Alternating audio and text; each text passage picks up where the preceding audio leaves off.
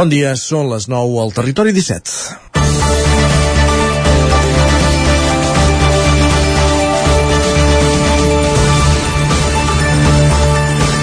Aquesta setmana sentia diversos mitjans de comunicació que es feien ressò de les queixes d'alguns veïns i comerciants de Siurana, un poble de 27 veïns del Priorat, agregat al municipi de Cornudella de Montsant, però que té un gran atractiu pels seus carrers i cases empedrats, les vistes i, sobretot, que ha esdevingut un punt de referència pels escaladors a nivell mundial, es queixaven perquè l'Ajuntament de Cornudella havia renunciat a formar part del distintiu Los Pueblos Más Bonitos de España per la incapacitat de gestionar la llau de visitants que això pot comportar.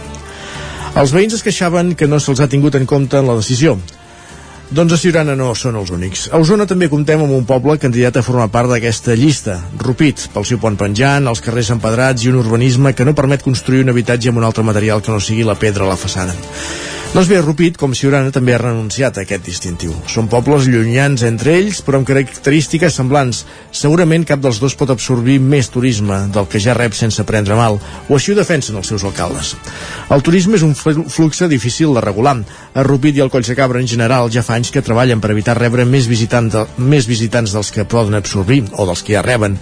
No és una gesta fàcil perquè el boca-orella funciona i sortir un dia a la tele et comporta una onada al cap de setmana següent.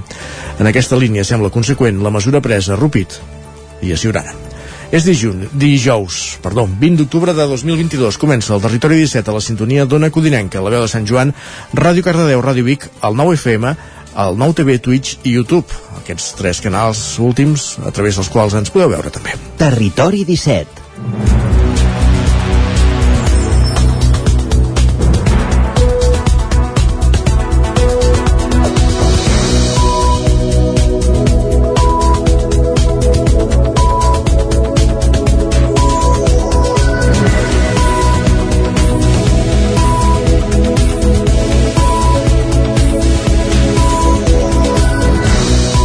dèiem, és dijous 20 d'octubre, ara mateix passen dos minuts del punt de les 9 del matí i ens disposem a començar un nou territori 17. Tot seguit el que fem és avançar-vos al menú, el més destacat, que us explicarem al llarg d'aquestes dues hores de programa, des d'ara fins a les 11.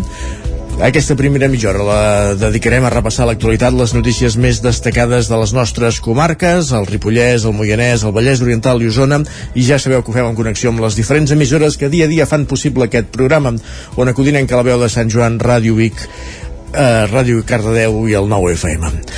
Uh, també en aquesta primera mitja hora escoltarem la previsió del temps amb en Pep Acosta, repassarem les portades més destacades dels diaris d'avui al quiosc i a partir de dos quarts de 10, ja ho sabeu, la crònica diària que ens fa l'Isaac Muntades des del tren, des de la R3 i tot seguit anirem a la veu de Sant Joan precisament també amb l'Isaac Muntades per conversar amb Jordi Nierga, director de la revista Les Garrotxes que acaba de publicar el seu número de, de tardor d'aquest número en parlarem a l'entrevista.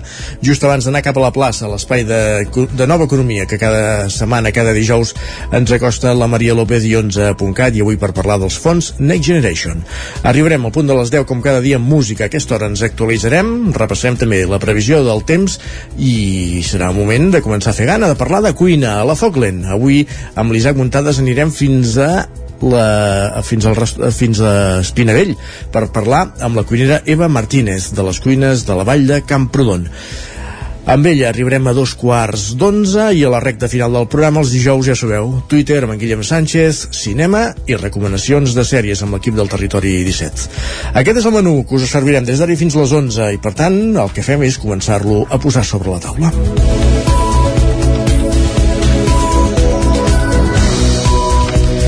Us ho dèiem a la portada. L'Ajuntament de Rupit ha descartat optar a la distinció de Pueblo Más Bonito d'Espanya, fet que, segons els impulsors d'aquest distintiu, el suposaria fer més promoció turística del poble. Des de l'Ajuntament argumenten que no tindrien capacitat per gestionar un volum de visitants gaire més alt del que ja tenen ara. Sergi Vivas. El cartell del Pueblo Más Bonito d'Espanya no es col·locarà als accessos del poble de Rupit d'Osona, després que el consistori hagi optat per descartar a aquesta distinció. Aquest és un dels pobles més turístics de la comarca i fa anys que treballen per assumir el gran volum de gent que els visita. L'alcalde, Albert Mercè, apunta a dos motius principals per declinar la proposta.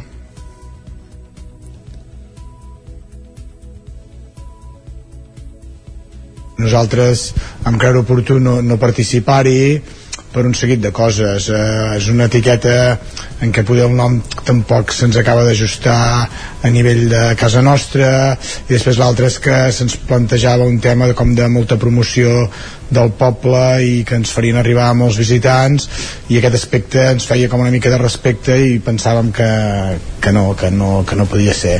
Amb tot, Rupit és un dels tres municipis de l'estat espanyol que sí que opta la candidatura de ser un dels millors pobles turístics del món.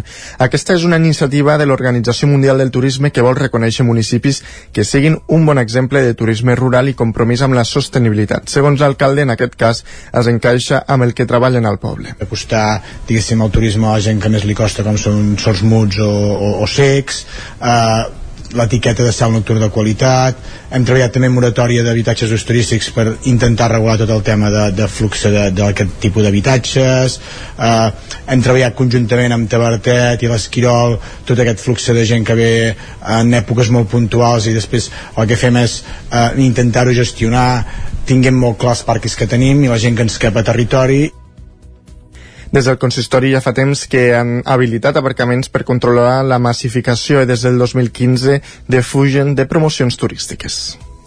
Més qüestions. La, eh, el Consell Comarcal del Ripollès, en aquest cas, instal·la un contenidor rosa a Ripoll per lluitar contra el càncer de mama mentre es recicla vidre. Recordem que ahir era el Dia Mundial contra el càncer de mama. Isaac Muntades des de la veu de Sant Joan.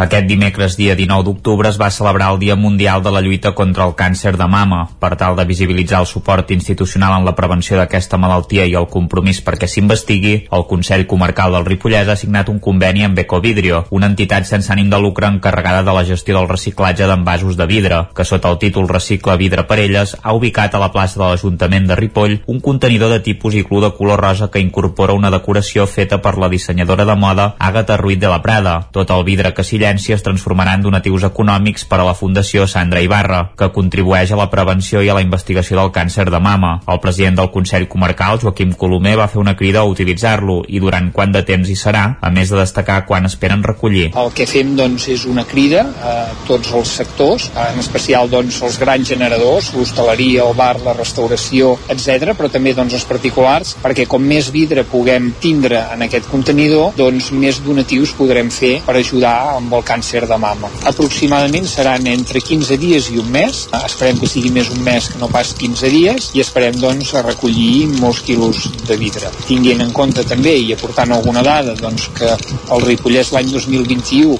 per habitant es van recollir una mitja d'uns 35 quilos de, de vidre. Esperem doncs, que amb aquesta ocasió i havent-hi aquest motiu doncs, eh, la gent doncs, pugui col·laborar molt més. Aquesta acció només es du a terme a 16 municipis de Catalunya amb un total de 26 contenidors. De fet, des del Ripollès se'n van demanar 3 i només en va arribar un per l'alta demanda per participar en la campanya. Tot i això, Colomer deia que s'està treballant des de l'àrea de Medi Ambient del Consell per veure si se'n pot portar almenys un segon. La voluntat de l'ens comarcal és que l'iglú s'estigui uns dies a la plaça de la l'Ajuntament de Ripoll, però que durant les pròximes setmanes passi per altres municipis de la comarca. També hi haurà una altra manera de col·laborar amb la Fundació. Doncs també tenim eh, al costat del contenidor gros aquest contenidor petit, uns contenidors que es poden comprar a la pàgina web miniglu.es i que eh, tenen un cost de 23,95 euros. En podem trobar físicament un doncs, a la seu del Consell Comarcal i a la seu de l'Ajuntament de, de Ripoll i bàsicament doncs, aquests diners doncs, aniran íntegrament destinats amb uh, l'estudi doncs, del càncer de mama. Aquest miniglu és un cubell amb la forma tradicional d'un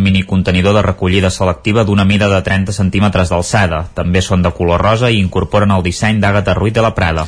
L'Hospital Universitari de Vic no ha pogut determinar l'origen del contagi de malària d'un pacient, veí de Prats de Lluçanès, que va acabar morint després de ser intervingut a l'esquena.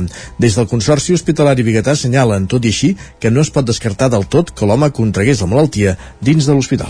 El que es va transcendir aquest dimarts a través de del diari El País. El pacient, un home de 74 anys i veí de Prats Lluçanès, va ser intervingut de l'esquena el mes de juliol a l'Hospital Bigatà. Al cap de dues setmanes va tornar a ingressar amb febre i malestar i va ser llavors quan se li va diagnosticar la malària.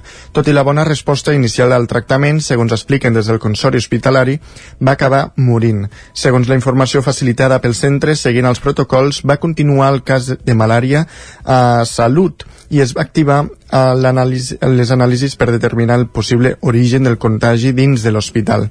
I no s'han i no s'ha trobat cap anomalia que pugui explicar-ho ni en el material quirúrgic utilitzat, les bosses de sang transfoses o el personal que hagués pogut coincidir amb altres pacients amb malària. Entre el juny i el setembre a l'hospital s'han tractat 11 casos d'aquesta malaltia. La segona auditoria anual d'aquest 2022 a l'Hospital Universitari de Vic, que es farà entre el novembre i el desembre, se centrarà en les infeccions nosocomials és a dir, amb les que es produeixen en el context hospitalari. Des de l'Hospital de Vic també remarquen que en tots els passos fets s'ha informat a la família de l'home. Més qüestions. El, la cooperativa Matís de Caldes de Montbui va fent passos per la construcció de l'habitatge cooperatiu en sessió d'ús que es construirà al celular del darrere de l'Ajuntament. Ara formen part del tribunal que seleccionarà el d'arquitectes encarregat d'executar el projecte, que era el campàs Ona Codinenca. Fa molts mesos que el grup impulsor es reuneix per anar detallant aquest projecte del que l'estiu vinent s'hauria d'iniciar la construcció per acabar-la al maig del 2026. Una part de les vivendes estaran reservades per persones amb diversitat funcional i tots els veïns pagaran una quota que serà més baixa que la del mercat de lloguer tradicional i que es mantindrà sense canvis al llarg dels anys. Ara l'Ajuntament està tirant endavant el concurs per seleccionar l'estudi d'arquitectura que s'encarregarà d'executar el projecte. De les nou empreses que s'han presentat se n'escolliran tres que prepararan un projecte més definit. En total el jurat està format per set persones, de les quals Matís no aporta dues de la cooperativa. Ana Montes, secretària i representant de Pindet, i la Mar, arquitecta i sòcia en dret d'ús. El terreny té un espai per a unes 14 unitats de convivència. La voluntat és que el nou bloc de pisos reflecteixi tota la diversitat de la societat. Per tant, volen que hi hagi gent gran, jove i famílies de tot tipus. Sentim Ivan Villalba, soci cooperativista de Matís. Des de la cooperativa Matís ens agradaria fer una crida a, tots el, a totes les persones que estiguin interessades en, en un habitatge no especulatiu, cooperatiu i socialment inclusiu Ei, el que volem és que s'apuntin a la nostra cooperativa com a socis col·laboradors o bé com a socis de dret d'ús, és a dir, que vulguin realment viure en aquests habitatges. Des de Matís busquen gent que es vulgui unir al projecte, ja que la participació dels socis és clau per poder-lo tirar endavant. I el CIR Reluí presenta el seu nou espectacle, Inargo i Trast, a Granollers, Pol Grau, Ràdio Televisió, Cardedeu. Després de 3 anys d'absència per culpa de la Covid, el Circ Reluí torna a Granollers per presentar la seva producció més sorprenent i arriscada fins a dia d'avui, anomenada Inargo i Trast es podran a veure del 28 d'octubre al 6 de novembre al Parc Firal de Granollers. Un sorprenent show que en transporta la més pura essència del circ, quan les sorpreses i l'emoció fascinaven al públic mirant impressionats l'espectacle. Aquest nou show compta amb un equip increïble format pel grup de trapecistes, els triplets, la màgia de Rodrigo Tolsen, l'actuació d'Ancian, un singular malabarista de l'Índia que fa malabars amb els peus, Eva Suarcet, en què fa una actuació només penjada del cabell, i els clàssics del Cirque Reluí com els populars Bigotis i Pietro o el duet valencià. La companyia facilita l'accés a la cultura amb una iniciativa de Happy Friday, amb un 50% de descompte a famílies nombroses, monoparentals, discapacitats, socis del carnet jove i jubilats durant les sessions del divendres. Gràcies, Pol. I encara en pàgina cultural, Josep Maria Miró, dramaturg i director teatral de Prats de Lluçanès, ha guanyat el Premi Nacional de Literatura Dramàtica del Ministeri de Cultura, Sergi. El guardó, dotat amb 20.000 euros, l'ha obtingut pel monòleg El cos més bonic que s'haurà trobat mai en aquest lloc, editada en català per Arola i en castellà per Artserblai. El jurat n'ha destacat l'e poètic, el domini de les veus teatrals, l'estructura prismàtica original i un gran risc estètic. Amb la mateixa obra escrita en plena pandèmia, Miró havia obtingut el Premi Born del Teatre de 2020. Aquest guardó l'havia guanyat també dues vegades anteriorment i també ha rebut altres reconeixements teatrals com el Quim Masó o el Premi Frederic Roda. Josep Maria Miró és autor de Cúbit, La travessia, Obac, Fum, El principi d'Arquímedes o Gangbang, entre d'altres. I obrim ara pàgina esportiva. Esports. Per explicar-vos que la Unió Esportiva Vic Ha fet 100 anys amb motiu del seu centenari ha estrenat un documental que recull el testimoni de 52 persones que han format part de la història del club, un reportatge que explica la transcendència social, cultural i esportiva del Vic i que es va presentar a l'Atlàntida davant unes 800 persones. Durant aquest any s'han fet múltiples actes per commemorar el centenari de la Unió Esportiva Vic. Abans d'ahir, el 18 d'octubre, coincidint amb el dia exacte que es va fundar, van fer l'últim acte que va tenir lloc a l'Atlàntida amb una assistència d'unes 800 persones. L'acte tenia com a finalitat estrenar un documental que recull el testimoni de 52 persones que han format part de la història del club des de diferents estaments de l'entitat. Tant el president del Vic, Ignasi Puig, com el vicepresident de la Federació Catalana de Futbol van mostrar l'orgull que un equip com el Vic hagi pogut celebrar els 100 anys. En tota la modèstia podem afirmar que l'any 22 el Vic i la seva fundació viuen un moment molt dolç a nivell institucional, esportiu, econòmic i social, amb més de 500 esportistes vinculats als equips de futbol base i equips sèniors de l'entitat. Després de 100 anys mantenir aquesta estructura d'un club és molt difícil. Nosaltres que estem en el món del futbol veiem molts clubs que durant la història es trenquen, es parteixen i acaben desapareixent. Però aquest club té una bona arrel, és com aquell pagès que sembra bé i, i al final té uns bons fruits. Doncs Unió Esportiva de Vic segurament fa 100 anys van sembrar bé i actualment en estan traient els fruits. El reportatge explica la transcendència social, cultural i esportiva de la Unió Esportiva Vic i combina les entrevistes amb imatges inèdites que s'han recuperat per commemorar els 100 anys de història del club de futbol de la ciutat. L'alcaldessa de Vic, Ana R, va posar en valor el que ha significat el club per la ciutat. No és fàcil arribar a 100 anys, vol dir ja que és un projecte consolidat i evidentment un un projecte que ha crescut amb força a la ciutat de Vic. Què ha representat aquests 100 anys? Com ha ajudat a canviar, com ha ajudat a millorar la ciutat? I us diria que una de les coses que ha ajudat més és sobretot perquè ha crescut la gent que fa esport i que sobretot fa esport d'equip com és el futbol. El Vic va néixer ara fa 100 anys després que dos equips de futbol de la ciutat decidissin unir-se. Un era el Marià Ausa, fundat el 1912, i el segon el Vic Futbol Club. Doncs amb aquesta notícia de l'àmbit esportiu, amb aquesta celebració, l'efemèride, 100 anys de la Unió Esportiva Vic, arribem a la fi d'aquest bloc informatiu que començàvem a les 9 en companyia de Pol Grau, Isaac Montada, Sergi Vives i Caral Campàs. Moment al territori 17 d'afegir un altre nom, el d'en Pep Acosta.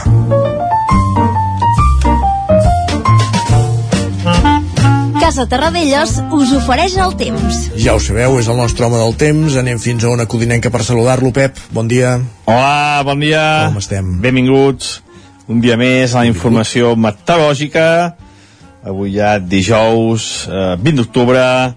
Anem acabant el mes, anem acabant la setmana i eh, no, no es veu per enlloc, no es veu per enlloc al final d'aquestes temperatures suaus, d'aquest petit estiuet que, que estem passant i és que els mapes són molt, molt, eh, molt negatius eh, a mig termini, eh? mapes del temps molt, molt, mm, bueno, molt, molt, molt decebedors, molt decebedors, almenys per, per part meva. Uh, avui ens llevem amb una petita novetat. Uh, hi ha un front hi ha un front que ens està creuant eh, molt a prop eh, nostra eh, durant el dia d'avui ens acabarà de creuar. A les nostres comarques deixarà poca precipitació. On més està plovent és cap a la part oest de Catalunya. Hi ha, hi ha, hi ha llocs que porten ja més de 15-20 litres. Però aquí a la, a la, a casa nostra, a les nostres comarques deixarà molt poca, molt poca precipitació eh, ens llevem novament amb unes temperatures molt elevades per l'època de l'any, eh, ben bé 7-8 graus més elevades del que, del que haurien de ser normals per aquesta època de l'any, moltes mínimes entre els 15 i els 20 graus, realment altíssimes, al Pirineu eh, entre els 5 i els 10, eh, però que ja hauria de glaçar aquestes dates, el Pirineu hauria de fer molt, molt més fred del que, del que fa ara.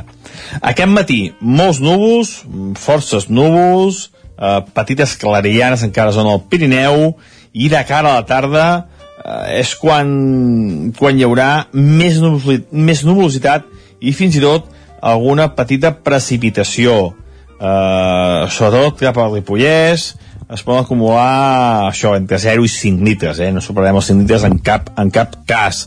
Eh, també cap a Osona, el Vallès i el Moianès, petites precipitacions que no arribarien ni aquests 5 litres. Jo crec que entre 1 i 2 litres a tot estirar, eh? Per molt, molt, molt poca, molt poca cosa, molt poca precipitació. Les temperatures màximes baixaran, eh, hi haurà més núvols, eh, això farà que la temperatura no pugi tant com aquests últims dies, eh, però bueno, baixaran entre 2 i 3 graus, eh, poca cosa, la majoria màximes entre els 22 i els 26 graus. I a destacar els vents de sud, vents de sud que bufaran moderats a forts a les zones altes de, del Pirineu, eh, entre 70 i 80 km per hora, per tant uns vents força destacables, a compte si en aquesta zona que, que no sorprengui aquestes ratxes de vent moderades a fortes. També bufarà eh, una mica el vent a les zones més altes del Montseny i de Salada transversal. I això és tot, a disfrutar el dia d'avui. Demà ja farem el pròstic del cap de setmana, que ja us aviso, ja us faig un un abans, que serà un cap de setmana molt, molt tranquil perquè fa el temps i encara molt, molt suau de temperatures. Moltes gràcies, adeu. Gràcies a tu, Pep. Doncs ja veient el temps d'avui, que no hem de patir massa, tranquil·litat. Esperem el de demà i el del cap de setmana. Fins demà. Parlem d'aquí una estona ben, ben, ben vist. I ara el que fem és anar cap al quiosc. Casa Tarradellas us ha ofert aquest espai. El quiosc Sergi per conèixer què diuen avui els diaris a les seves portades. Per on comencem? Doncs comencem amb el punt avui i ho fa així. Cinquè jutge per al crim de Susqueda. La instrucció continua cinc anys eh, després. Això és com comença avui el punt avui i destaquen també amb una fotografia del Parlament que Junts fa descarrilar una llei feta per Giró tot això en un ple del Parlament on s'ha exhibit la solitud d'Esquerra i el malestar per la crisi dels Mossos. Aquesta és la portada d'avui del Punt Avui. Per cert, que l'autora d'aquesta notícia de, del canvi de jutge, de l'anèssim canvi de jutge pel crim de Susqueda, l'autora Soler, i la tarda era a Vic, en una xerrada sobre novel·la negra a la biblioteca, a la nova biblioteca Pilarí en Vallès. Va, més qüestions. Doncs seguim amb el periòdico que també aposta per la mateixa notícia. Diuen que Aragonès ha rebut el primer revés del govern en solitari després que es quedin sols en la defensa d'una llei, tot i que va ser iniciativa de Giro. Carai. I en política internacional destaquen la pressió que se li està posant a la britànica Liz Truss després de la dimissió de la ministra d'Interior i també destaquen aquí... No, de fet, diem de la política catalana, però la, la britànica tampoc és... No, no hi ha molta, no enrere, eh, molta diferència. Eh, després destaquen també la pobresa, la discriminació laboral i els intents de suïcidi que s'acarnissen en la comunitat trans després de, bé, l'aprovació o no d'aquesta llei trans. déu nhi La Vanguardia, per la seva banda, destaca que la banca preveu allargar la hipoteca a les famílies amb rendes més baixes, Uh -huh. i a més doncs, també destaca que l'Istras està contra les cordes amb una fotografia de la primera ministra britànica eh, molt enfadada tal com, com la il·lustren, com il·lustren avui la portada. Molt bé. Lara destaca que l'oposició en bloc fa evident la soledat del govern al Parlament i també destaquen la tensió que hi va haver ahir al Congrés del sector immobiliari on 300 activistes van obligar a endarrerir dues hores la primera edició d'aquest congrés. I anem a les edicions del Madrid. El país destaca que Putin declara la llei marcial al prendre possessions a Ucraïna, al perdre possessions a Ucraïna i també amb una fotografia fan referència que l'Hospital Sant Joan de Déu és el primer centre espanyol especialitzat en oncologia pediàtrica on el 80% dels pacients es curen tot i això, falta més investigació. I com a titular han posat una declaració del director del centre que diu no només emmalalteix el nen, sinó tota la família. Avui l'ABC perdó, tenim una portada eh, que està bé, una mica al límit del, del, raci del racisme ai, ai. vostès mateixos diuen que el Parlament de Catalunya ha recolzat a un salafista acusat de ser un perill nacional. De fet diuen que independentistes i comuns el consideren un represaliat de l'estat espanyol i eh, el veiem aquí doncs, amb una fotografia amb en Pere Aragonès el Mundo eh, destaca que Putin afronta un altre debacle amb l'evacuació de Kherson. Uh, diuen també que el PSOE uh, tem trencar amb els seus votants tradicionals amb el recolzament de la llei trans i també diuen que Esquerra utilitza els pressupostos per reformar el delicte de sedició. I per acabar també mm, destaquen la vintena edició dels Premis Internacionals de Periodisme que ha fet el Mundo i veiem aquí una fotografia com tots estan acompanyats amb la Isabel Díaz Ayuso. Carai. La Razón, per la seva banda, destaca que el PSOE critica el càlcul electoral de Podemos amb la llei trans i també destaquen aquesta crisi política que viu al Regne Unit. Diu, Tras, més aïllada que mai, s'aferra al poder tot i les desercions. Es nega a marxar. I doncs això és tot el que trobem avui a la premsa generalista, tant la que s'ha dit a Barcelona com la que s'ha dit a Madrid. Fem un cop d'ull ara, tenim dos minuts per les portades del 99.cat, Sergi. Doncs a Osona, el Ripollès, la portada, ens trobem eh, que l'Esquirol cobrirà de plaques solars el pavelló per fer autoconsum compartit. Molt bé.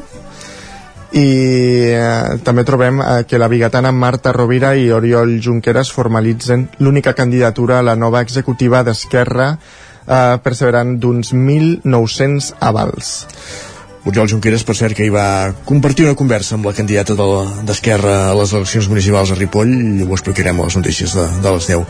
A la portada del Vallès Oriental. Doncs ens trobem que Sant Quirze exigeix un estudi de soroll del circuit de motocross de Sant Feliu de le... per les molèsties a casa, això ho comentàvem Sí? aquesta, Aquesta setmana. última setmana. Correcte. I bé, amics de l'11 de Granollers dona 500 euros al Xipre. Tot això és el que trobem a la portada del Vallès Oriental. Això i moltes coses més que qui vulgui doncs el convidem a, a visitar aquests, aquests dos digitals del 99.cat, les edicions de d'Osona i el Ripollès i la del Vallès Oriental. Gràcies, Sergi. Acabem aquí aquest repàs a la premsa, al quiosc, que fem cada, aquest cop d'ull que hi fem cada dia, just abans de, de la pausa, que fem de 3 minuts abans de dos quarts de 10 i tot seguit continua el Territori 17 a punt ja tenim la crònica diària que ens fa l'Isaac Muntades amb els oferts usuaris de la línia R3 a la tren d'Alba, serà just a dos quarts en punt. I tot seguit parlarem d'aquest nou número de la revista Les Garrotxes amb el seu director en Jordi Nierga en conversa amb l'Isaac Muntades també des de la veu de Sant Joan. Serà eh, en aquesta segona mitja hora de programa on també arribarem al punt de les 10 pràcticament amb la plaça, amb l'espai de nova economia que cada setmana ens acosten la Maria López i 11.cat avui parlant sobre els fons Next Generation. Com dèiem, serà tot de partir d'aquí 3 minuts després d'aquesta petita pausa. El nou FM, la ràdio de casa, al 92.8. Ja tens la teva disfressa de Halloween? A Manli tenim les més terrorífiques. Vine a buscar caretes i tots els complements que et calguin per passar una nit de por. Ens trobareu al carrer de Ramon Soler número 1 de Vic i també a manli.cat. A Manli fem de la festa una bogeria. El 22 i 23 d'octubre torna la Fira de la Castanya de Viladrau. Us hi espera un cap de setmana ple d'activitats, parades al carrer amb productes de proximitat i artesanals, espectacles familiars, sortides guiades o venda de castanyes fresques i torrades. Recorda que pots anar-hi còmodament amb transport públic des de Vic. 27a Fira de la Castanya de Viladrau. Consulta el programa d'activitats a viladrau.cat. Amb Pradell estalvio energia i cuido la meva butxaca i el medi ambient. Posa't en mans a Pradell, són experts en calderes de gas i condensació, estufes de pèl·let, energia solar, terres radiants i geotèrmia. Pradell instal·la calderes de biomassa per a particulars i per a empreses. Si vols estalviar un 50% en consum, contacta amb Pradell i passa't a les energies renovables. Pradell, som a l'Avinguda Països Catalans 27 de Vic. Telèfon 93 885 1197. Pradell.cat. Cobertes serveis funeraris. Els nostres tanatoris estan ubicats en els nuclis urbans més poblats de la comarca d'Osona per oferir un millor servei. Tanatori de Vic, Tanatori de Manlleu, Tanatori de Centelles i Tanatori de Roda de Ter.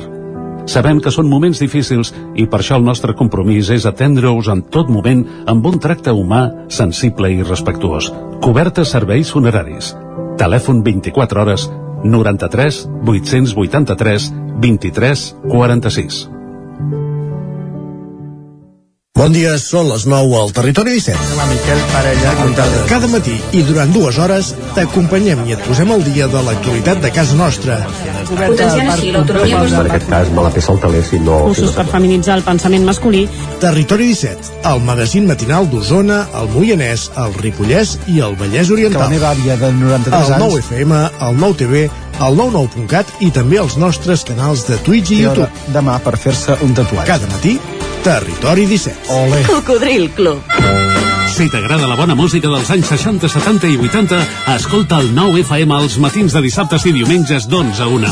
És el temps del Cocodril Club, tot un clàssic de la ràdio, amb les bases del pop-rock, les llegendes, les cançons que s'han convertit en autèntics himnes. Recorda, dissabtes i diumenges al matí, d'11 a 1, al 9 FM 92.8. Cocodril Club. El programa revival de l'Albert Malla. Hasta luego, cocodrilo. El 9 FM, el 9 FM, el 9 FM, el 9 FM, el 9 FM. Territori 17.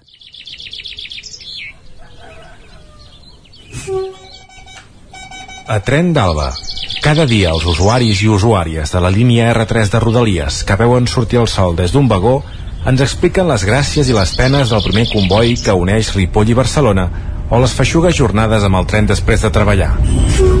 Benvinguts a Tren d'Alba. L'usuari Transports.cat va fer una piulada ahir al vespre que hauria de fer reflexionar a Renfe, ja que va apuntar que el servei substitutori de Rodalies entre Sant Andreu Comtal i la Sagrera per culpa de les obres fa setmanes que transporta aire, ja que la majoria d'autobusos hi va el conductor sol. I com a prova, adjunta dues fotografies on s'hi veu el bus totalment buit. Després només cal mirar altres piulades per descobrir on està la gent que falta. Oh, sorpresa! Són al metro, que va desbordat. En definitiva, aquest usuari es queixava que cap responsable de Renfe i tampoc de la Generalitat vigila que les coses funcionin tal com toquen. En fi, ens retrobem dilluns amb més històries del tren i de la R3. Doncs fins dilluns, Isaac, i el que fem tot seguit és...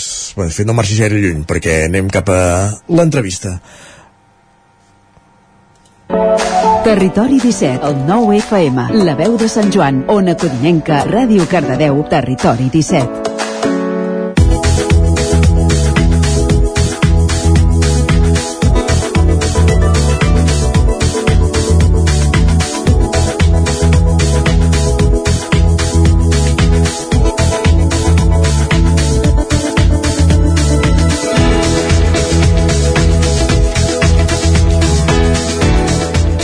Amb l'arribada de la tardor ha arribat un nou número de la revista Les Garrotxes, en concret el número 30 de tardor-hivern d'aquest 2022, un exemplar on el Ripollès hi té un paper protagonista i on destaquen sobretot les catàstrofes naturals que s'han produït durant el segle passat i a principis d'aquest any, d'aquest, volem dir, d'aquest segle XXI, a la comarca. Isaac Montades, la veu de Sant Joan, bon dia. Bon dia, Isaac. Doncs sí, per parlar d'aquest nou número de les Garrotges teníem nosaltres el director de la revista, en Jordi Nierga, amb qui ja havíem parlat alguna vegada, que ens atén des de Banyoles. Ja veieu doncs, que és una revista que abasta un territori molt ample, de fet des del Pla de l'Estany passant per la Garrotja i, i el Ripollès, i que fa, un any, eh, que fa uns anys precisament doncs, es va començar a expandir per la nostra comarca i ara ja l'abraça totalment. Bon dia, Jordi, moltes gràcies per atendre'ns. Hola, bon dia, gràcies a vosaltres. Uh, comencem per al principi, Jordi. La revista no surt fins demà, el número uh, 30 surt demà, però ens podràs avançar una mica doncs, que hi veuran els nostres uh, la, els lectors, no? Recorda'ns com ampliar-se els seus continguts per a tot el Ripollès, perquè al principi uh, només de la comarca tocava la vall de Camprodon, no? Sí, exacte, el nostre límit abans, per dir-ho així, era la vall de Camprodon, però des de feia temps que teníem en ment ampliar aquests horitzons i abastar i abraçar tota la comarca de, del Ripollès, llavors simplement buscàvem el moment oportú, ja fa un parell de números que ens han començat a introduir, i hem començat també a parlar de continguts de, de la Vall de Ribes, del Baix Ripollès, i al final això és una bona notícia per nosaltres perquè nosaltres som una publicació que viu eh, i el seu motor són els relats i les vivències de la gent, llavors en obtenim de, de nous i de molt interessants, no? I re relacionat precisament amb aquest número de, de, dels aiguats, de les riuades, doncs un dels elements que justifica eh, el fet que aglutinem tota la comarca en un sí són precisament els, els rius, és a dir, els cursos fluvials, eh, si una característica tenen és que, que relliguen el territori, i un exemple el trobem, per exemple, amb el Ter, que neix a Ull de Ter, però passa per llocs com Camprodon, Sant Joan o Ripoll, no? És a dir, es passeja per tot el Ripollès. Llavors, eh, ja només per això tenia sentit eh, aglutinar i, i, i abraçar tota, tota la comarca del, del Ripollès. Sí. De fet, aquest número que, com dèiem, surt demà ja es titula Aiguats, nevades, glaçades. Tota una declaració d'intencions que recull catàstrofes naturals que van succeir a les comarques que engloba la revista. El Ripollès, per exemple, aiguats n'hem tingut darrerament, però se'n van viure dos de molt importants, el 1940 i el 1982. Aquest, el, el del 40, també va anar molt més enllà, també va afectar molt la comarca d'Osona. Què va passar a grans trets en aquelles èpoques? Heu pogut parlar amb alguns testimonis, encara en queden de vius? Del 82, Sí, els... del 82 evident Sí, sí, que sí, eh? del, del, del 40 deu costar més ja. Es costa més, però també també n'hem trobat. Al final són això que dius, eh? són els aiguats més, més transcendentals que, que han patit el, el territori. També és veritat que, que en el cas de l'any de l'any 40, aquest eh, l'aiguat de Sant Lluc, l'aigat d'Olot, que en diuen, eh, les, les circumstàncies, és a dir, s'ha d'entendre bastant el context per entendre també la magnitud, no? D'una banda sí que hi havia aquests fenòmens naturals que van ser excepcionals, però evidentment també les, a nivell infraestructural la, la massa forestal no era la mateixa que hi ha, que hi ha ara, els sistemes de, de previsió meteorològica i per tant de prevenció tampoc eren els mateixos que, que hi ha ara, moltes indústries estaven supeditades al, als cursos fluvials i avui dia això no passa, avui dia es van eh, ajuntar tota una sèrie de factors que van fer que, que la magnitud de, de la tragèdia encara fos més, més gran. No? Llavors, en relació a tot això, els testimonis, nosaltres sempre diem que tenim dos tipus de testimonis diferents i en determinats dossiers, com per exemple aquest, eh, intentem que quedi ben, ben reflectit. No? Un dels testimonis són, és el testimoni visual, és a dir, són les, les imatges. Allò que es repeteix tant que una imatge val més que, que mil paraules, doncs eh, en aquest cas queda, queda ben palès en fotografies, per exemple, de, de l'aiguat del 40 a, a Ripoll eh, o, o a Camprodon. No? Vull dir, el text prà- pràcticament és complementari eh, a les imatges. Llavors, nosaltres eh, apostem molt per aquest concepte visual i evidentment també apostem molt per la, per la veu dels testimonis perquè com he dit abans doncs som això, no? som una publicació que teixeix els relats a partir de, del que ens explica la gent de les seves experiències i de com, i de com ho van viure. En el cas de l'any 40, per un tema generacional és complicat trobar testimonis, però n'hem trobat. Eh, tots ells eren nens i nenes en aquell temps, llavors això ens aporta també una mirada molt, molt curiosa, perquè quan ets un nen, quan ets molt jove i veus un fet d'aquestes proporcions, doncs això se't clava la memòria i, i fa que, que al cap de molts anys en puguis parlar com si ho veiessis ara, llavors són molt útils. I, i també hem pogut, en alguns casos, com per exemple en Joan Garcia Sant Joan o Miquel Parals a Camprodon, doncs eh, hem pogut recuperar eh, memòries de persones que a través de, de la feina de periodistes o de cronistes van testimoniar eh, aquest records i ells els van recuperar per, per poder doncs, eh, teixir una història més, el més completa possible, sí. Avançant en el temps, Jordi, també es parla de la fredurada de l'any 1956. Eh, Com ho va notar una comarca de muntanya com el Ripollès? Ara parlaves que potser les infraestructures no estaven preparades en el cas dels aiguats. No sé si això va afectar la pagesia i l'agricultura de l'època, entenc que era important, també el, el sector industrial. Com, com us heu documentat? Què, què n'expliqueu d'això? Bé, eh, ens han documentat, com sempre, sempre que hi ha l'opció de documentar-nos, apostem per, per aquesta veu en primera persona de, de la gent, no? I llavors, precisament en aquest cas de la fredurada del 1956, hi ha un article de, de, la, de la Carme Freixa, de Vallfogona, que ella recorre la veu de, de la, dels avis i àvies d'aquest nucli, nucli de, del Ripollès, que expliquen com van viure aquest episodi d'aquestes temperatures extremes i expliquen que evidentment abans la, la pagesia, com ara, però sobretot abans, que encara les, el, el clima era més extrem, doncs estaven a la pagesia, l'agricultura estava supeditada als canvis de, de ritme de, del temps, no? I, i com això podia afectar la collita i per tant com això podia afectar el dia a dia d'aquestes persones i de les seves famílies. Llavors, eh, evidentment que la glaçada del 56 doncs, va, va provocar problemes greus en els cultius, aquests avis ho repeteixen, també diuen que, que no era un fet excepcional, abans glaçava molt més que ara, abans nevava molt més que ara, llavors estaven acostumats eh, a tenir aquests maldecaps, però en d'altres articles, com per exemple també relacionat amb aquesta fredurada del 56, però de, de, de la zona del Pla de l'Estany, també ens diuen que això va incentivar o va accelerar un, un canvi en el sistema de producció agrari que ja s'intuïa abans, però que va necessitar, malauradament, un fet d'aquestes proporcions per acabar de veure doncs, que, que, que l'agricultura havia d'anar cap, a, cap a un altre camí. Uh, fa 22 anys també es va produir la tragèdia del Balandrau, segurament és de les que ha transcendit més també per la magnitud, per la importància, per les víctimes que va haver-hi. Fa poc també se'n va fer un documental a, a TV3, en aquest cas, evident, eh, molts dels testimonis, si més no ja hi eren, no sé si ha estat fàcil accedir-hi, i amb qui ha pogut parlar, i evidentment és un relat que, que colpeix, no? cal com vam veure el documental, i entenem que, que queda reproduït també en aquest, en aquest dossier, en aquest reportatge, que surt demà a la, a la revista Les Garrotxes. Sí, exacte. En el cas dels fets del Balandrau eh, hem optat per fer un canvi d'enfocament de, a, a l'hora de plantejar l'article i, i ens hem volgut centrar sobretot eh, agafant el, els fets tràgics del Balandrau com a epicentre amb tota aquella gent que, que ha participat en rescats, no? Eh, en rescats de, de persones enmig d'aquestes inclemències del temps o en rescats de, dels cossos de, de, de, de víctimes, vaja. Llavors, Mm, nosaltres eh, en aquest sentit hem optat per fer això perquè en, en el cas de, del documental que dius de TV3 evidentment és un documental eh, esplèndid eh, i, i té testimonis molt, molt, molt potents i llavors doncs, vam creure convenient això, eh, girar una mica la truita i parlar amb, amb persones com per exemple en Cisco Carola de Camprodon que va, va ser una part capital a l'hora de coordinar tot l'operatiu de, de rescat al Balandrau o en David Socarrats, un garrotxer que és bomber dels GRAE que va participar dia rere dia en aquestes tasques de rescat.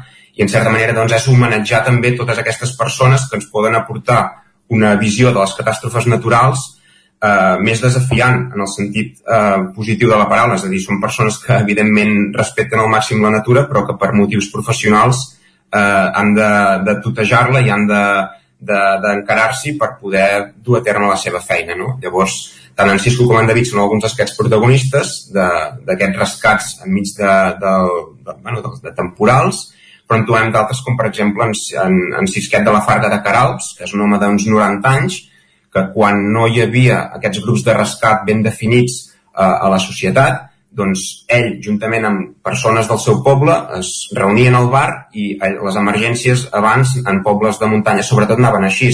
Algú baixava i donava l'avís en el bar i llavors es muntava un operatiu, un operatiu totalment quotidià, totalment popular i ells agafaven uns grampons que ja us podem imaginar com eren, un arnès que ja us podem imaginar com era si n'hi havia i pujaven a les muntanyes encinglades a, a buscar persones. Llavors hem volgut eh, afrontar una mica també i hem volgut encarar una mica aquest, aquest tema perquè crec que són persones que es mereixen aquest article i més. Evidentment. Sí, de fet, aquí a la veu de Sant Joan vam tenir l'ocasió de parlar amb en Cisco Carola en, en el seu moment i, i déu-n'hi-do, el, seu, la seu, el seu paper va ser molt rellevant amb la importància del rescat del Balandrau. No sé, Jordi, si també s'expliquen a, a, a banda de, de tot el que ha passat, si s'expliquen eh, els fenòmens meteorològics més climàticament, no? O sigui, què van provocar aquests desastres, si, si n'heu fet alguna cosa o, o, o realment eh, no, no sé com, com ho heu fet, com ho heu tractat. Sí, nosaltres, ja et dic, eh, sobretot prioritzem molt la veu de la gent que els ha viscut o patit en primera persona, perquè al final som una revista molt popular, llavors volem que, que les, les expressions i les explicacions siguin el més amenes i senzilles possibles. També és veritat, però, que en aquesta, en aquesta ocasió hem, hem cregut eh, convenient acompanyar tots aquests testimonis directes amb veus més científiques, per dir-ho així, com per exemple en Jordi Zapata o l'Enric Estregués, que són persones molt, molt avasades en, en conèixer aquests eh, ambients meteorològics, que són al final divulgadors meteorològics, i ens han aportat una, una visió més, més tècnica, no? per dir-ho d'alguna manera. Per exemple, en el cas de, de l'aiguat d'Olot, de, de, de, del 1940, doncs, eh, el mateix Tapat ens explicava que més enllà d'aquestes pluges torrencials excepcionals, doncs, també hi van influir altres aspectes com l'orografia del, del territori, els vents o les, les dinàmiques de la Mediterrània. No? Llavors, eh, és útil també acompanyar en casos així tan extrems una petita explicació científica per, perquè complementi. Però ja et dic, el, el principal és, és sobretot la, la veu d'aquesta gent que, que, que els ha conegut de prop. No? En Cisco Carola mateix, ell explicava que, que ha caminat eh, per cims de quatre grapes enmig d'una turbinada sense veure res, que l'ha arrossegat un parell de llaus, no? llavors quan, quan t'expliquen això, evidentment és una veu molt, molt autoritzada per poder parlar d'aquests fets des d'un punt de vista més, més pròxim. Uh -huh. A la secció de, de l'indret, en aquesta edició, també s'hi fa parada a Roca Bruna, ja deixem endavant el dossier sobre els fenòmens meteorològics, però què, què en destacaries d'aquest nucli de Camprodon? Perquè és un indret molt privilegiat i envoltat de, de natura. Sí, bueno, de fet el, el subtítol de, de l'article ja ho diu, no? els confins de, de l'Alta Garrotxa, això ja, ja dona a entendre que és un, un territori amb uns paratges eh, esplèndids. Normalment a la secció de l'indret sempre el que fem és donar a conèixer un nucli, un poble, un poble petit, eh, agafant-nos molt amb un, amb un tema en concret. No? Normalment és la seva gent, no? a través de les, la veu de la pròpia gent, doncs anem coneixent una mica com és aquest, aquest nucli. Nosaltres eh, recentment ja hem anat publicant coses de, de persones vinculades o residents a Rocabruna, hi ha en Tot i Joanola, la, la Paquita Costa, i l'autora, la, la Clara Pedrosa, ha cregut molt, conven, molt convenientment no només aportar aquesta veu d'altres persones de Rocabruna, sinó doncs, també centrar-se molt en, en aspectes estructurals, no? en, en aspectes patrimonials. Llavors, coneixem Rocabruna a partir d'elements com el castell, de les, com l'església de Sant Feliu, com les cases rogenques aquestes que, que li donen aquest to tan, tan icònic, i evidentment això ho hem acompanyat amb la veu de gent com en Cisco Vidal, que va ser carter durant molts anys i això ja li dona la llicència de conèixer moltes coses de, de Rocabruna i ella ens presenta un, un nucli que més enllà doncs, d'estar doncs, en certa manera aïllat i de tenir una vida molt, molt bucòlica, doncs abans també tenia un, un ritme més agitat, hi havia una indústria minera, hi havia una escola que van aixecar les pròpies persones de, de Rocabruna, hi havia una festa major amb els seus balls, no? llavors al final és això, eh? és una mirada cap al passat, però sempre amb els peus a terra i centrant-nos molt en, en que ho mirem des d'avui, no? des del present. Uh -huh. A la revista també s'hi podrà llegir un reportatge sobre el grup excursionista de, de Can Bànol, que precisament l'ha fet en Joan Garcia, el director d'aquí de, la, de la veu de Sant Joan, que és una entitat molt important per la comarca del Ripollès, no? una, de, una de les que té més socis, si més no. Sí, és molt important per la comarca del Ripollès i, i molt important Camp de Bànol, no? perquè crec que el, el reportatge d'en Joan Garcia, el mateix president, en Marc Puig, eh, explica que quan diu algú que és del GEC ja està dient en aquesta gent explícitament que és de, de Camp de Bànol. No? Per tant, és una entitat això, eh, que és un símbol d'identitat popular. I normalment nosaltres, quan fem aquesta secció d'entitat, de, de, busquem això, busquem eh, associacions, col·lectius, entitats, que el que fa doncs, sigui teixir el poble, formar part d'aquest teixit associatiu del poble, que uneixi no? diverses generacions, que uneixi el poble en definitiva. I el GEC, evidentment, que crec que voreja els 900 socis i sòcies, doncs ja només per això ja es dona a entendre que és Camp de Bànol, i no només això, sinó que a més a més doncs, també fa eh, moltíssimes activitats més enllà de les excursions eh, com poden ser doncs, les mateixes sardanes, que té una, una, una entitat pròpia de sardanista, fa sessions monogràfiques, cursets, no? al final entitats molt vinculades al territori, que és, que és el que volem. Ja per acabar de fer un repàs a tot el Ripollès que trobarem en aquesta nova edició de, de les Garrotxes, a la secció de memòria fotogràfica se centra en Santa Magdalena de Cambrils, el Baix Ripollès. De què parla aquesta secció i què, què hi trobem en aquest, en aquest reportatge? Bé, nosaltres eh, sempre volem, volem acabar la, la revista caminant pel territori. Eh, al final som, som les Garrotxes, som una revista de territori i la millor manera per, per, per conèixer el territori és passejant-hi i, i, bueno, i caminant-hi i, i comprovant tot el que hi ha un costat i a l'altre. No? Llavors, un d'aquests eh, dos articles de, de la secció de a peu eh, és el d'en Quim Agustí, que parla doncs, de, de Santa Magdalena de, de Cambrils, aquesta ascensió, una ascensió molt, molt variada, a un, a un cim eh, solitari i que evidentment ofereix molt, molt bones panoràmiques de, del territori. I llavors el que, el que volem nosaltres amb aquesta secció és eh, oferir unes rutes circulars, normalment, que siguin moderades per, per ampliar-ho a quantes més persones millor, perquè el paisatge i el territori pugui, pugui ser apte per a, per a tothom. I sobretot més enllà de la bellesa paisatgística doncs també busquem, els col·laboradors en aquest cas busquen que hi hagi altres elements com per exemple en aquest cas elements patrimonials que, que, siguin, que, que facin encara el viatge i, aquesta, i aquest recorregut més, més amè i més bonic. Sí. Jordi Nierga, director de Les Garrotxes, gràcies per ser avui al Territori 17 per repassar aquest número que surt demà i, com dèiem, com hem vist i hem comprovat en aquesta entrevista, amb reportatges molt interessants de, del Ripollès com a protagonistes. I Jordi, gràcies un dia més i ja anirem parlant. Gràcies a vosaltres. Bon dia. Merci. Gràcies bon també, dia. Isaac, per acompanyar-nos un dia més aquí a l'entrevista. A vosaltres. Merci, Jordi i avancem al territori 17 tot seguit tenim cap a la plaça. Ja ens hi espera la Maria López i la gent d'11.cat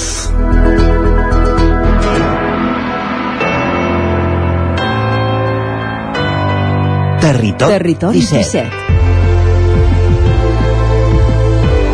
Territori 17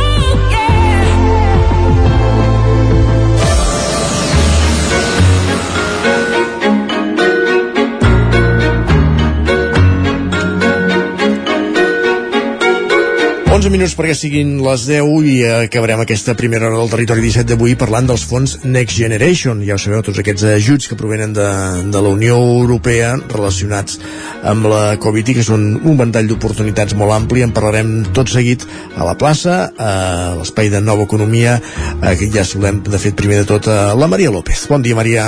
Bon dia i benvinguts un dijous més aquí a la plaça, aquest espai on intentem, ja sabeu, fer comprensibles per tothom els grans dilemes i conceptes de la nova economia. Ja fa unes setmanes, no sé vosaltres, a mi em passa molt, que hi ha un nou concepte que sembla que ha aterrat a les tertúlies i debats polítics i a la safata de l'email també, per què no dir-ho, i és que últimament el concepte fons next va calant quan parlem d'economia. Sabem que té alguna cosa a veure amb la pandèmia, o almenys amb la recuperació després de la pandèmia. També sabem que té a veure amb economia i amb la capacitat de tornar a situar-nos allà on érem abans de la Covid-19. Així que avui posarem sobre la taula aquest nou concepte i intentarem resoldre no només què és, sinó també quins tipus de fons podem trobar en aquesta intervenció europea. I per fer-ho, avui contem amb la Cèlia Galera. Ella és directora general d'Habitat Futura, empresa pionera a Catalunya en implementar eficiència energètica a edificis de vivendes i de turisme. Bon dia, Cèlia. Hola, molt bon dia. Gràcies per convidar-me. Gràcies a tu per ser-hi i ens acompanya també una setmana més la Gemma Vallet, ja és de la casa la Gemma, directora d'11 District. Bon dia, Gemma. Bon dia, Maria. Gràcies per convidar-nos. Gràcies a vosaltres per ser-hi. Uh, perquè a més ja saps, Gemma, que jo això d'anar calant nous conceptes em mola molt tinc el truco per després anar, deixar anar els sopars i semblar una persona superinteressant i superenterada de la vida, però en el fons el que vaig és amb els apunts d'aquí de la plaça, que m'aneu desvetllant dijous rere dijous. Aquí la que ens pot il·luminar molt és la Cèlia. Cèlia, exactament, això de, dels fons Next, que no parem de sentir-ho a tot arreu.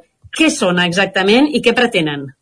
Els fons Next Generation venen de la Comissió Europea, venen d'Europa i el que tracten és d'impulsar la transformació i ajudar a la recuperació d'Europa de, i dels països membres a través de destinar diners que impulsen dos temes principalment. Per una banda, la digitalització i per una altra banda el tema de l'eficiència energètica i la reducció del consum energètic i emissions de CO2 Europa, Brussel·les, dona els ajuts, els diners a los Estados miembros, en aquest cas el govern d'Espanya, i el govern d'Espanya ho distribueix entre les comunitats autònomes. Podríem dir d'alguna manera que té clarament un objectiu, doncs, això com dèiem, postpandèmics, de recuperació econòmica, però té molt en ment l'agenda 2030, clarament, no? Los, els fons Next Generation eh, tenen diferents finalitats, però principalment es distribueixen per temes de transició ecològica de canvi de model. Hi ha uns objectius a nivell del 2030, que és el reduir el 30% d'energia i el 30% de la reducció d'emissions de, eh, de CO2, i eh, hi ha una bona part d'aquests fons que van destinats a això, a impulsar i promocionar el canvi de model energètic Llavors es segmenten en diferents tipologies en funció del tipus d'edifici. Per exemple, els edificis d'establiments hotelers n'hi ha una sèrie de fons destinats a reduir el consum, es subvenciona tot allò que va lligat a reducció del consum, com són finestres, com són aïllaments, façanes interiors, cobertes, es subvenciona la utilització d'energies renovables, com és la fotovoltaica, i equips d'eficiència energètica, com ara, per exemple, equips d'aerotèrmia o bombes de calor que redueixin el consum. Respecte als edificis d'habitatge, fonamentalment és igual, eh, es, es subvenciona especialment totes aquelles mesures que tinguin com a objectiu reduir el consum energètic dels habitatges eh, les van, els ventalls on demanar aquestes subvencions són diferents en funció de la tipologia d'edifici o de la tipologia d'actuació. Així, per exemple, si estem parlant de temes d'establiments de, hotelers, serà la Generalitat Catal Catalana de Catalunya amb el Departament de Turisme Si es tracta d'edificis d'habitatge, en el cas de Barcelona és el Consorci de l'Habitatge, o bé la Generalitat de Catalunya, si no és la ciutat de Barcelona. Per una altra banda, per temes només d'energies renovables, tenim l'ECAEN, que és l'Institut Català d'Eficiència Energètica, que també està donant subvencions a les instal·lacions de fotovoltaica, ja sigui d'un usuari particular, d'un propietari, o bé d'una empresa o inclús de la indústria. El que es tracta una mica és de segmentar la tipologia d'edifici i la tipologia, diguem-ne, d'actuació. Um, seguint en aquesta línia, una mica no sé si podríem distingir quins tipus de, de fons diferents podem trobar i a qui van adreçats, no? Ara comentaves que a, a, a hotels, no?, etc. Una mica qui, qui els pot sol·licitar? Són, són tant empreses petites com empreses grans com particulars. Mm? El que es tracta en definitiva és d'impulsar aquest canvi per una banda de transició digital i de transició ecològica. Uh, per tant, tant una persona que és propietària d'un pis pot fer um, temes de rehabilitació al seu habitatge i demanar una subvenció, o ja sigui doncs, una casa aïllada mm, en temes de comunitats de propietaris doncs ha d'anar en conjunt o temes de digitalització també des de diferents empreses tecnològiques estan fomentant doncs, aquest canvi de tecnologies i ells mateixos ho estan tramitant vosaltres d'alguna manera en aquest sentit eh, com a empresa pionera a Catalunya en, en aquesta implementació és un tipus de, de fons que, que de, de, deveu estar farts no? de tramitar d'alguna manera ajudes en aquest sentit és veritat que eh, la tramitació d'aquests ajuts és una mica complicada, sobretot si no estàs habituat com a persona particular doncs, a gestionar aquestes ajudes. Eh, és veritat que a partir d'ara eh, es facilitarà encara més amb, amb, amb informacions, però clar, no és el mateix potser tramitar una ajuda que va lligada amb un tema molt més tècnic, com és el tema de l'eficiència energètica, que potser un tema de digitalització que de cara a empreses que tenen contacte amb els consumidors finals estan més habituades. Nosaltres, des d'Habitat Futura, precisament per la nostra especialització en energies renovables i en eficiència energètica, ens hem especialitzat més doncs, amb els edificis d'habitatge i amb els establiments hotelers. Llavors, els requisits són semblants, però sobretot, sobretot va focalitzat a que quan més estalvies a nivell d'energia, més, més subvenció en temps. Uh, llavors, això té dos beneficis, no? Per una banda, que aquesta inversió en fer aquesta transició uh, de model energètic amb sistemes que redueixen aquest consum, doncs, evidentment, uh, redueixes el consum energètic i redueixes, per tant, la teva despesa, però també és veritat que, uh, com que van vinculats els ajuts econòmics a la reducció, la subvenció és més gran. Quan més estalvies, més eh, subvenció en tens val?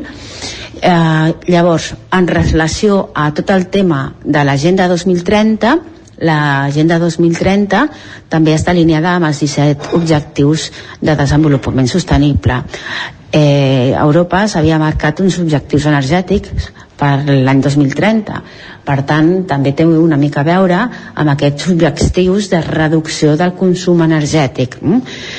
Eh, el tema és que per eh, quantificar-ho, per objectivitzar aquest estalvi, eh, diguem-ne que la eina que s'utilitza en caràcter general és la certificació energètica és una forma d'objectivitzar aquest estalvi i per tant d'acreditar que pots accedir a aquesta subvenció. En el cas de fotovoltaica va molt vinculat a mm, quants quilowatios estàs instal·lant i estàs produint pel teu autoconsum es tracta de, en definitiva de poder objectivitzar aquests objectius val, que tenim per l'agenda 2030 i en el cas concret de l'energia doncs el reduir el consum i mm, percentualment a les emissions de CO2 Moltíssimes gràcies Cèlia uh, Gemma, moltes gràcies ens veiem dijous vinent, no? M'encanten aquestes visites que em portes cada dijous Sí, ens veiem i vindrem amb una persona que t'agradarà moltíssim. Canviem una miqueta, ja veuràs. Ai, a mi que em deixes el carmelet amb la boca, Gemma, m'encanta. Doncs ens retrobem dijous vinent novament aquí a la plaça. Moltíssimes gràcies a totes dues i ara ja sabem una mica més què són això dels fons Next. Moltes gràcies. Gràcies, doncs, Maria. Ja hem conegut més a fons els focs Next Generation i el que fem per arribar a les 10 és posar-hi música. Avui, amb la nova producció de Judith Nederman i Bernat, que trauran un nou... que treu un nou single després de col·laborar durant tot l'estiu, i una cançó que porta per títol Tu, amb Judith Nederman i Bernat fins a les 10. Que vols si no tu la Que Que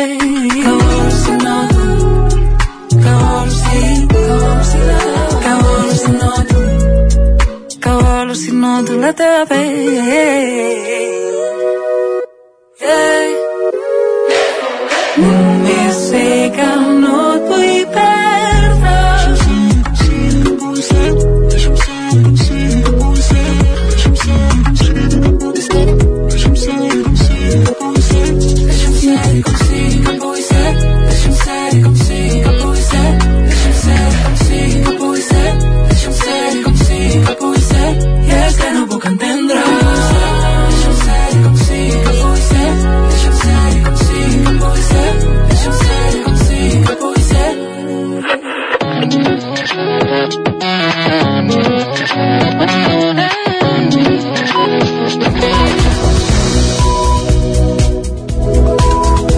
Al territori 17 de posar-nos al dia, d'actualitzar-nos amb les notícies més destacades de les nostres comarques. Ho fem, com sempre, en connexió amb les diferents emissores que dia a dia fan possible aquest programa, la veu de Sant Joan, Ona Codinenca, Ràdio Cardedeu, Ràdio Vic, el 9 FM, i ens podeu veure a través també de YouTube, del nou TV i de Twitch. Ja sabeu, el territori 17, aquest magazín de les comarques d'Osona, el Moianès, el Ripollès i el Vallès Oriental.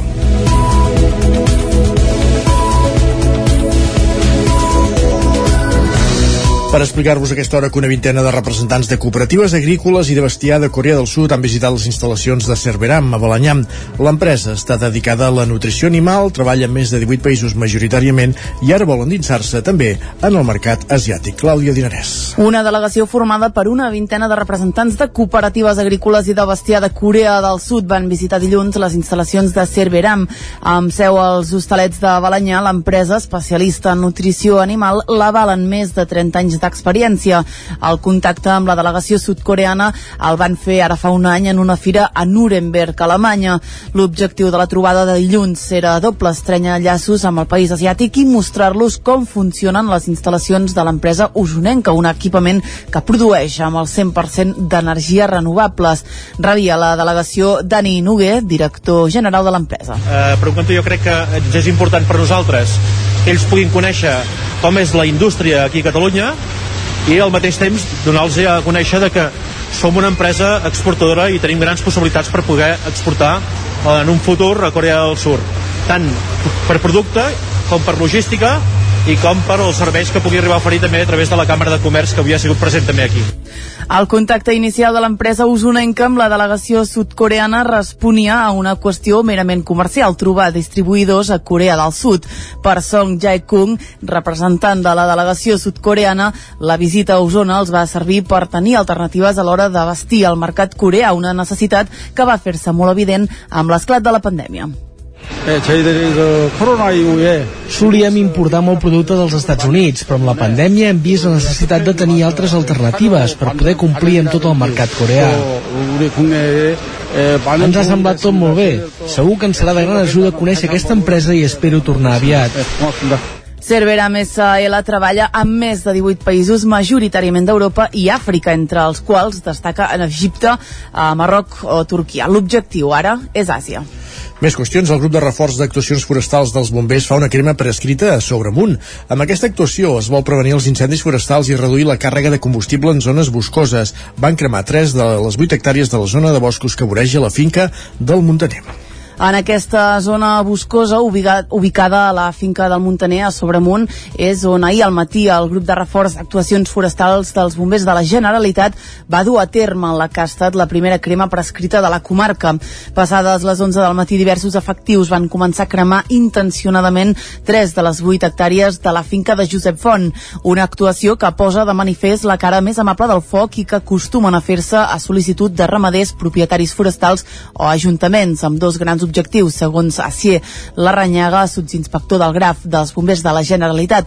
El primer, prevenir els incendis forestals i el segon, reduir la càrrega de combustible en zones boscoses per facilitar l'entrada de ramats a les zones boscoses. En principi, la idea aquí, l'objectiu de la crema d'avui és eliminar tot el subpís que hi ha sota dels roures de Garric i de Bardissa per facilitar l'accés al ramat amb, amb aquests espais, fomentar la, el creixement de la, de l'herba eh, i d'aquesta manera reduir la vulnerabilitat d'aquesta parcel·la a no cremar de capçades el dia que hi hagi un, un incendi forestal.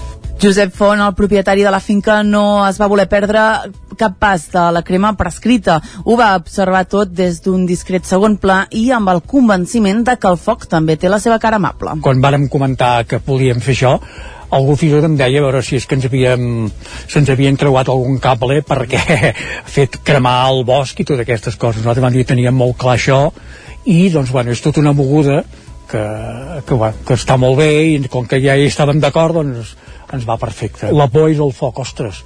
En canvi, en aquest cas ens servirà doncs, per una eina per, per guanyar terreny de pastura i per, si hi ha un hora un incendi, que sigui més suau i més controlable. De fet, l'objectiu d'aquesta actuació era que altres propietaris d'explotacions silvoramaderes poguessin veure com es fa i què comporta sobre el terreny una crema prescrita, una eina que Acier Larranyaga confia que cada vegada anirà més. cada vegada més eh, comença a ser més, per dir alguna no sona tan estrany aplicar foc per gestionar els boscos. Eh, generalment tenim una pers perspectiva del foc com algo catastròfic, per dir alguna cosa, sempre veiem la, la cara dolenta del foc, que són els grans incendis forestals a l'estiu, eh, però si el sabem fer servir bé, el foc és un, és un aliat, si el saps controlar i l'apliques a l'ecosistema de la manera i la intensitat que, que toca. A banda del grup de reforç d'actuacions forestals dels bombers a la crema prescrita d'ahir al matí també hi van participar bombers generalistes, unitats del cor relacionades amb la prevenció d'incendis i una delegació de bombers de Manchester que aquests dies fan una estada a Catalunya. Més qüestions, Oriol Junqueras dona suport a la candidata a l'alcaldia d'Esquerra a Ripoll, Chantal Pérez. Isaac Muntades, des de la veu de Sant Joan.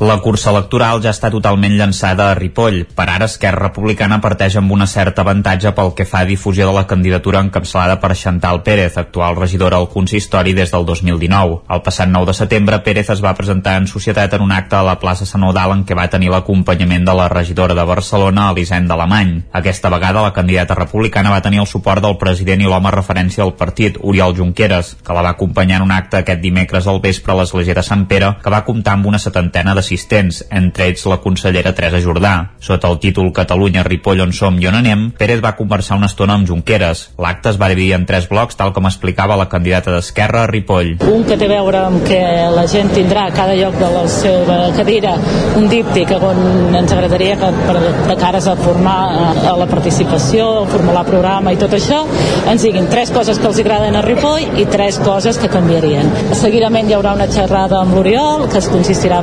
bàsicament en unes quantes preguntes centrades tant en el país com en Ripoll Després de l'entrevista va haver-hi un petit refrigeri pels assistents i algunes persones van poder parlar amb el líder republicà, el qual veu en Pérez la futura alcaldessa de Ripoll. Ens sembla que és molt important que li vagi bé a Ripoll perquè això també significa que li va bé en el Ripollès, que li va bé en el conjunt de les comarques de l'entorn i que li va bé en el país. I a Ripoll, sens dubte, eh, necessitem un, un Ripoll amb voluntat de liderar, amb voluntat de, de mirar el seu territori, de mirar la seva comarca, amb voluntat de mirar el país, amb voluntat de defensar eh, la seva indústria, de defensar la seva economia, de defensar la seva renda per càpita, de defensar els seus serveis socials i sens dubte qui millor ho pot fer és eh, la Chantal. Pérez va detallar que porten treballant en aquesta candidatura des de fa un any i va apuntar que farien actes de forma mensual amb convidats que s'aniran desvetllant a poc a poc. La gran aspirant a l'alcaldia, Manoli Vega, de Junts per Ripoll, encara no va poder presentar-se en un acte públic el passat 7 d'octubre amb la companyia de Jordi Turull, Jaume Giró i Gemma Geis, perquè va ser just quan el govern es va escardar. Per la seva banda, l'alternativa per Ripoll CUP ja ha fet dues taules sectorials i aquest pròxim dissabte, de 10 a 12 del matí, al Museu Etnogràfic de Ripoll faran una jornada de treball sobre el futur de Ripoll en clau de feminismes i LGTBIQ+. Gràcies, Isaac. El Centre Excursionista de Sant Celoni organitza per aquest diumenge la 44a edició de la Marxa pel Montseny. Anem a Ràdio Televisió Cardedeu. Pol Grau, bon dia. Aquest diumenge 23 d'octubre a les 8 del matí es donarà el tret de sortida a la 44a edició de la Marxa pel Montseny, organitzada pel Centre d'Excursionistes de Sant Celoni on els participants sortiran de l'aparcament de la zona del pavelló poliesportiu de Sant Celoni. Els participants podran escollir dos recorreguts circulars, com és habitual cada any. El primer i més llarg anomenat marxa, on consta de 21 quilòmetres i 940 metres de desnivell, i per als més iniciats, la marxeta, que consta de 12 quilòmetres i 367 metres de desnivell. El recorregut passarà per les localitats municipals de Fogars de Montclús i Campins dintre del Parc Natural del Montseny i Reserva de la Biosfera. Les inscripcions ja estan obertes a un preu de 11 euros, però si t'inscrius el mateix dia de la marxa, l'import puja a 15 euros. Gràcies, Pol. I anem cap al Moianès, cap a Moià concretament, Caral Campàs, una codinenca, per parlar del festival, eh, del cobert Festival Panoràmic. Caral, benvinguda, bon dia. El festival comença avui a la capital ballesana i aterrarà dissabte al Centre d'Art Contemporani a cobert. El certamen promou la recerca de nous llenguatges i narratives audiovisuals i aquest any busquen submergir-se en el quart paisatge. Eudal van der Pla, director de cobert, ens explica aquest concepte. Bueno, és una mirada bastant àmplia, però podria dir que és com més enllà del paisatge que tenim reconegut com a tal, doncs altres maneres d'interpretar-lo a nivell visual, com per exemple seria el metavers, entre altres eh, coses. Dissabte a la tarda l'artista moianesa Mont Líria presentarà el seu món virtual, Alicia en el metavers, una recreació del món d'Alicia en el País de les Meravelles en realitat virtual. L'inici de l'esdeveniment l'acompanyava també el Gerard Toledano, que també treballa amb espais virtuals, i faran un petit col·loqui, i quan hi hagi la, la performance en si, que, que, que dibuixarà en directe dins d'aquest espai virtual, l'Albert Gussi, eh, un dels directors del Festival Panoràmic, doncs l'acompanyarà llegint uns textos de, de la novel·la d'Alicia en el País de les Meravelles. Dissabte la jornada acabarà amb una activitat participativa on mitjançant unes ulleres de realitat virtual es podrà entrar en el món de la Mont Líria. L'acte començarà a les 6 de la tarda i l'entrada serà de 5 euros. Gràcies, Caral, per aquesta aportació de la participació fes- de, a l'espai cobert de Mollà dins del Festival Panoràmic de Granollers, que com bé deies comença avui. I un últim punt pels esports. Unes 140 persones van participar diumenge a Vic a la cursa d'orientació solidària del Dia de la Fisioteràpia. A la cursa, els 39 equips van haver de buscar balises per tota la ciutat durant dues hores. Els beneficis recaptats amb les inscripcions s'han destinat a l'Associació Empara de Pacients amb Esclerosi Múltiple d'Osona.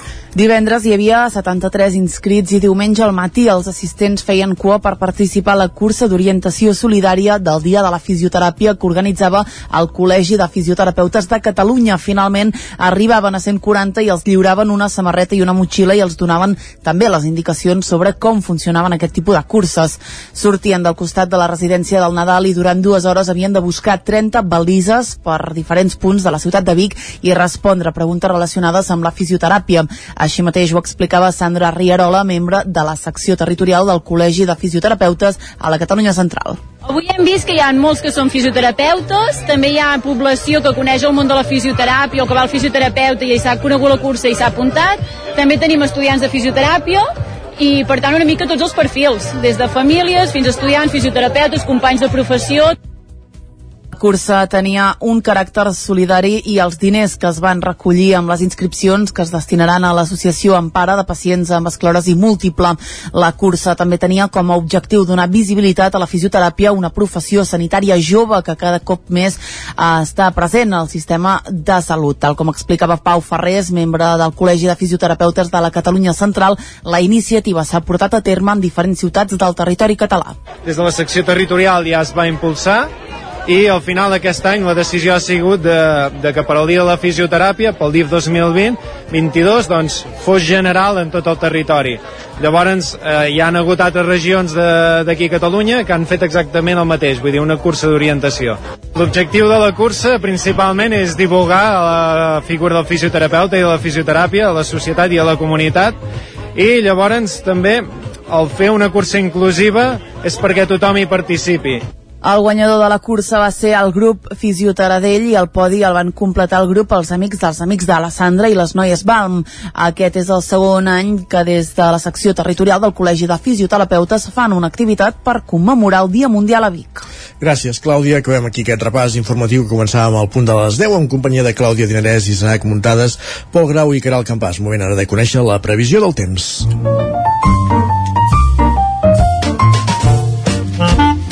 Casa Terradellos us ofereix el temps. I el temps al territori 17 és sinònim de Pep Acosta, aquí ja saludem des d'Ona Codinenca. Pep, bon dia. Hola, bon dia.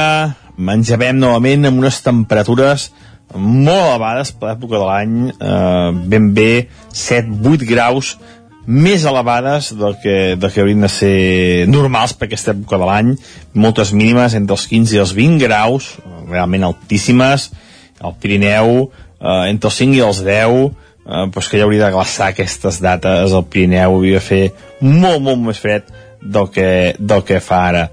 Aquest matí, molts núvols, forces núvols, eh, petites clarianes encara a la zona del Pirineu, i de cara a la tarda eh, és quan, quan hi haurà més, nuvolositat, més nuvolositat i fins i tot alguna petita precipitació eh, sobretot cap al Ripollès es poden acumular això entre 0 i 5 litres eh? no superarem els 5 litres en cap, en cap cas eh, també cap a Osona el Vallès i el Moianès petites precipitacions que no arribarien ni aquests 5 litres jo crec que entre 1 i 2 litres a tot estirar eh? eh molt, molt, molt poca molt poca cosa, molt poca precipitació les temperatures màximes baixaran eh, hi haurà més núvols eh, això farà que la temperatura no pugi tant com aquests últims dies eh, però bueno, baixaran entre 2 i 3 graus eh, poca cosa, la majoria màximes entre els 22 i els 26 graus.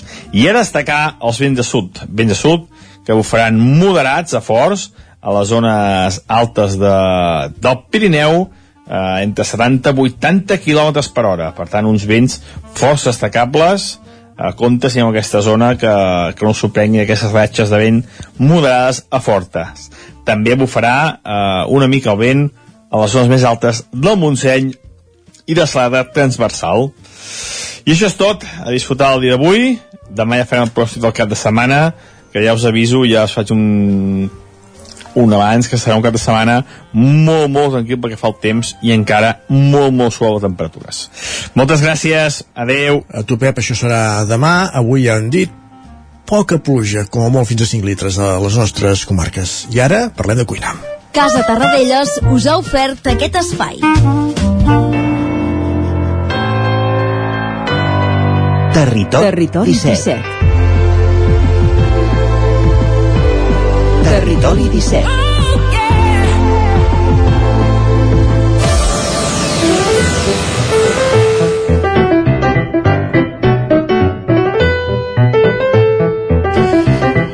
Parlem de cuina com cada dijous a aquesta hora, quan passa un minut i mig d'un quart d'onze, perquè és moment d'anar a la Foc Lent. La setmana passada parlàvem de cavalls d'Espinavell, avui Isaac Muntades, veu Sant Joan, bon dia. Veig que ens hi portes a dinar avui, eh, d'Espinavell? Ens, en, us hi porto a dinar, exacte. De fet, el passat 10 d'octubre va començar una nova temporada gastronòmica de la trumfa de la Vall de Camprodon, que s'allargarà doncs, fins l'1 de novembre, en què una sèrie de restaurants de la zona doncs, aprofiten per fer plats i, i menús temàtics amb aquest aliment tan característic de la zona, i avui teníem nosaltres a l'Eva Martínez, que és de l'Associació de Cuines de la Vall de Camprodon i propietària precisament del restaurant Can Jordi d'Espinavell, al terme municipal de Molló, que ens explicarà doncs, com estan en aquesta temporada i els secrets de la trumfa. Bon dia, Eva, i moltes gràcies per uh, ser avui amb nosaltres. Bon dia i moltes gràcies a vosaltres. En primer lloc, Eva, durant gairebé un mes els restaurants de la Vall de Camprodon i no només d'aquesta zona doncs estan fent menús i, i plats temàtics amb la trumfa, ja esteu a, a la meitat de la temporada, no sé quants restaurants hi participen i no sé si heu fet una aproximació de quants menús temàtics doncs, es poden haver servit aquests dies o el que, o el que calculeu que se servirà. Mira, uh, som una, aproximadament una dotzena de restaurants que hi participem uh, oficialment, diguéssim. El que passa és que la trumfa és un aliment uh, molt característic de la cuina de muntanya i, per tant, està molt present en, el, en els nostres menús, no? Uh, o sigui que Uh, que siguem 12 en realitat no vol dir ni res perquè és molt fàcil que n'hi hagi més de 60 que ho estiguin fent val? Eh, no, no ho comptabilitzem uh, potser ho hauríem de fer però en principi pensa que hi ha gent que fa tot un menú temàtic hi ha gent que el que fa és incorporar algun plat on, on la trumfa sigui més protagonista o simplement eh, guarnir més els plats amb trumfes, no? O sigui, hi ha una mica de, hi ha una mica de tot i llavors és una mica difícil de comptabilitzar.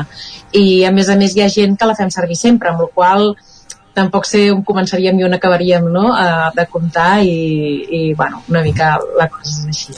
Costa, costa de trobar-ne aquest any de trumfes, tenint en compte que venim d'un estiu molt sec, que entenc que ha afectat la producció, no sé, Sí, ja. a la restauració com, com arriben aquests, aquests Sí, ha, tubercles? estat, ha estat un estiu molt eixut i sobretot el juliol, a l'agost va refer, però les trumfes ja es van anar morint, les trumferes, i, i llavors eh, hi ha hagut una producció me, menor i, i més petita, o sigui, hi ha hagut menys trumfes i són més petites, val? però de totes maneres, a veure, mm, clar, si estiguéssim dient de que d'aquí exportem com es feia antigament a patates a, a tota Catalunya, no? abans d'aquí hi havia masos que treien cada any 10.000 quilos de trumfes en un vagó de tren per Barcelona, diguéssim, no? I cada mas i ara, clar, i ara els masos ho han anat deixant perquè l'economia de la trumfa és tan patètica, no?, que pobres és molt difícil. En tot cas, per nosaltres n'hi ha, vull dir que no, no ha estat difícil trobar-ne i els productors i productores han estat emocionadíssims de que tornéssim a demanar trumfes per fer els nostres menús, no? Mhm. Ja ho sabeu, eh? les cuines del Vall de Camprodon hi ha, hi ha trumfes. Parlem una mica de, de l'aliment. Explica'ns una mica, Eva, quines són aquestes propietats i característiques que defineixen uh, la trumfa, tant físiques com nutritives. Aquest any deies que són una mica més, més petites, però m'imagino que també normalment són, són més grossetes, eh? Normalment, bueno, a veure, la, el calibre és molt variat, no? Am- segurament eh, la gent que és de ciutat o que no pot comprar trumfes a un productor proper està acostumat o, a, a tenir en un sac de trumfes doncs, una cosa bastant homogènia, no? Eh, les mates fan trumfes de totes les mides, el que passa que després es calibren i, i, i cadascú compra doncs, coses una mica més, més homogènies, no? Nosaltres ho agafem tot, val? Eh, um, són més petites o són més grosses, són boníssimes. Pensa que aquí, la, jo crec que la, la característica principal d'aquesta patata és que està cultivada a més de 1.000 metres d'alçada. Val? Això què fa? Això fa que el clima sigui una mica més fred i que el creixement sigui molt lent. I això vol dir que si a Vic tu fas dues collites de trumfes, aquí en fas una, val? I, I això vol dir que estan molt temps sota terra i agafen moltes qualitats organolèptiques, és a dir, que tenen un sabor de bosc, de, de fruits mm, secs, o sigui, és, és excepcional, no? O sigui, és, és brutal. Hi ha gent que ve aquí, les compra i les vol plantar a Vic. No passa res. Tornen a ser com les de Vic perquè la gràcia és que són culti- cultivades aquí. Mhm. val? Um, això dona a peu a que puguis eh, cultivar qualsevol tipus de trumfa. Normalment la majoritària és la Kennebec, perquè és la que els restaurants gastem més, val? Però se'n pot fer de qualsevol mena i aquest clima i aquesta alçada repercutirà positivament en el producte. La trumfa, com deies, és una patata eh, i molt versàtil a la cuina, tothom ho coneix. Hi ha plats de tot tipus, des d'entrants, primers, plats i segons. Explica'ns un plat de cada i les seves característiques, diguéssim, que, que podeu fer al restaurant per, tranquil·lament. Uh -huh. Mira, um, es pot fer com a protagonista des de, per exemple, uh, fem de vegades, doncs, no sé, un mil fulls de trumfa amb moniato, uh, que queda deliciós al forn, uh, gratinat, uh, que pot ser guarnició o pot ser plat principal, no? Um, però, per exemple, hi ha un plat que aquí és, uh, és molt característic, que és l'estofat de poltre. Val? Nosaltres també el poltre és un dels, és el, un, és el nostre producte estrella, de fet. I, i l'estofat de poltre eh, si el fas amb trumfes de la Vall de Camprodon és molt fàcil que no se't desfacin és a dir, a vegades és el que té l'estofat no? que si no tires la patata molt al punt i la patata és massa ensucrada o no sé, llavors fas una mena de puré no? Correcte, eh, doncs aquest, aquesta patata ens permet aquesta textura més ferma i al mateix temps molt fàcil de menjar no? eh, efectivament doncs evidentment pot anar en totes les varietats de, de patates eh, al caliu, de patates rosses o, o en tots els purés, en una, en una marquesa o en el que sigui, no? Queden, queden superbones. A mi m'agrada molt un plat que faig a vegades amb, amb les trumfes més petites de l'hort, el meu home és productor, i quan a vegades allò que dèiem del calibre, no? Quan algunes són molt petitones, que són una mica més grans que una nou, um, les, faig, les faig cuites senceres, les obro per la meitat i llavors els hi faig un gratinat a l'antiga, o sigui, és una greixonera, no és amb beixamel, sinó que és com es feien abans els gratinats a Catalunya, que era amb ou i crema de llet, són molt rics, diguéssim, no? I, i queda espectacular, o sigui, és que te les menjaries com si fossin um, allò, dolços, no?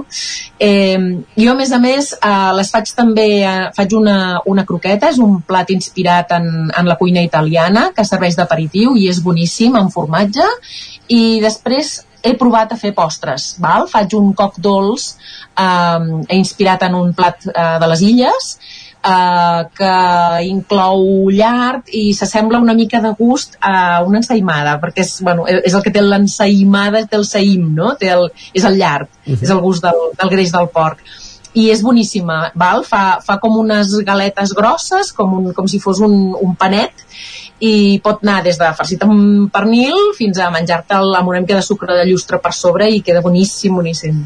En- Ens queden dos minutets, Eva, però abans et volia preguntar una cosa, que abans al principi hem parlat doncs, d'aquests eh, restaurants que hi participeu, no?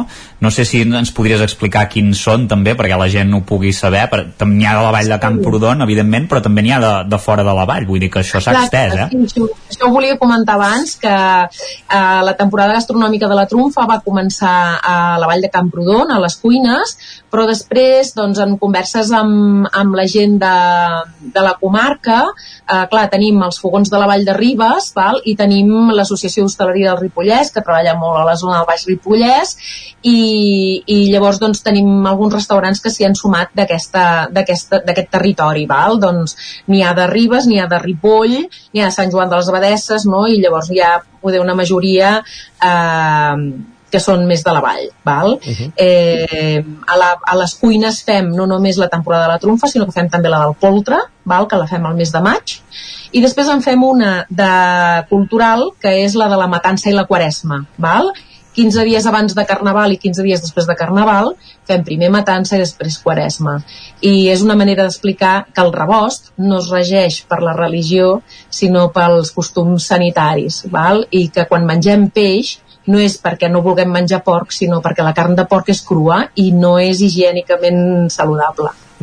Bueno, fem moltes coses. Ens encanta explicar la tradició a través de la cuina. Molt bé.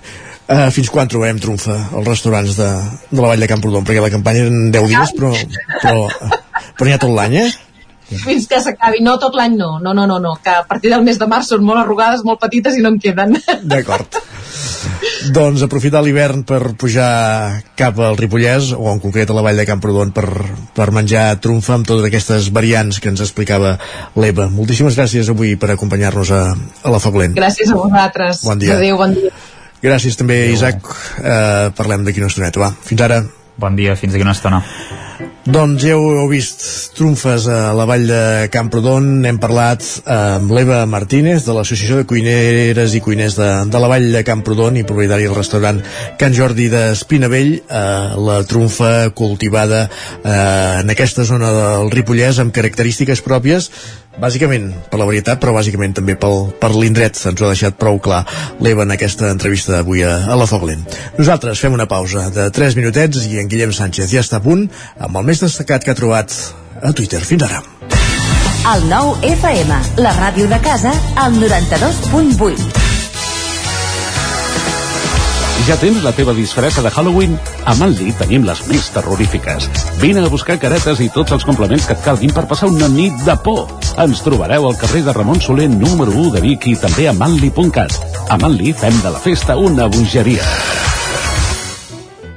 A Deportec estem especialitzats en el tractament d'aigües residuals i el tractament de purins. Donem un servei integral en el tractament de l'aigua, oferint el disseny de la línia hidràulica, reparacions i manteniment, analítiques, formulació i subministrament de productes químics. Ara a Deportec et podem ajudar a obtenir un gran estalvi energètic en la deshidratació de fangs, oferint-te un sistema innovador, el Depordisc. Deportec, ens trobaràs al carrer de la Fusteria 22, al polígon de les Gaules, a Tona. Passema, comercial de maquinària i utillatges amb més de 50 anys al vostre servei. Visiteu la nostra botiga i trobareu productes de gran qualitat. Passema, som al polígon Sot dels Pradals, al carrer Cervera 10 de Vic. Telèfon 93 885 32 51. A Rialtec som especialistes en instal·lacions fotovoltaiques, aerotèrmia, clima i instal·lacions integrals pel teu habitatge o la teva empresa. Demana el teu pressupost sense cap compromís. Rialtec. Ens trobaràs al carrer Narcís Monturiol 22 de Gurb i al telèfon 93 131 1796. El 22 i 23 d'octubre torna la Fira de la Castanya de Viladrau. Us hi espera un cap de setmana ple d'activitats, parades al carrer amb productes de proximitat i artesanals, espectacles familiars, sortides guiades o venda de castanyes fresques i torrades. Recorda que pots anar-hi còmodament amb transport públic des de Vic. 27a Fira de la Castanya de Viladrau. Consulta el programa d'activitats a viladrau.cat. Amb Pradell estalvio energia i cuido la meva butxaca i el medi ambient. Posa't en mans a Pradell, són experts en calderes de gas i condensació, estufes de pèl·let, energia solar, terres radiants i geotèrmia. Pradell instal·la calderes de biomassa per a particulars i per a empreses. Si vols estalviar un 50% en consum, contacta amb Pradell i passa't a les energies renovables. Pradell som a l'Avinguda Països Catalans 27 de Vic. Telèfon 93 885 1197. Pradell.cat. Cocodril Club. Si t'agrada la bona música dels anys 60, 70 i 80, escolta el 9 FM els matins de dissabtes i diumenges d'11 a 1. És el temps del Cocodril Club, tot un clàssic de la ràdio, amb les bases del pop-rock, les llegendes, les cançons que s'han convertit en autèntics himnes. Recorda, dissabtes i diumenges al matí, d'11 a 1, al 9 FM 92.8. Cocodril Club, el programa revival de l'Albert Malla. Hasta luego, cocodrilo. En punt, dos quarts d'onze al territori 17.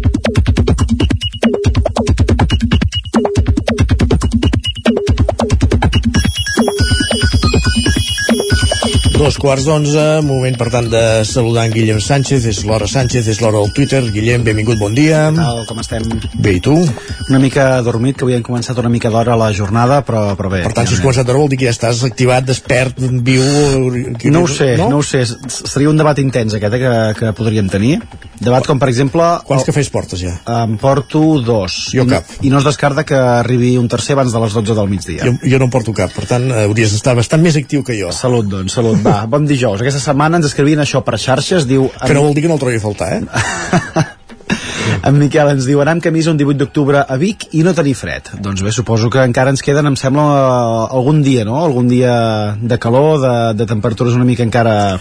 En Pep diu que no veu la llum al final del túnel. Doncs mira, imagina't. doncs mira, la Marta també ens aporta. Diu, estimat diari, he començat el dia amb una notificació d'Hisenda i buscant uns pantalons curts per no tornar a passar calor en ple octubre. La sensació de derrota és total. Vull hivernar, però al revés. Desperteu-me si mai torna el fred. Gent reivindicant el fred, eh? és molt fort això. Això, això és molt fort. Home, jo el reivindico tot l'any, ja t'ho dic ara.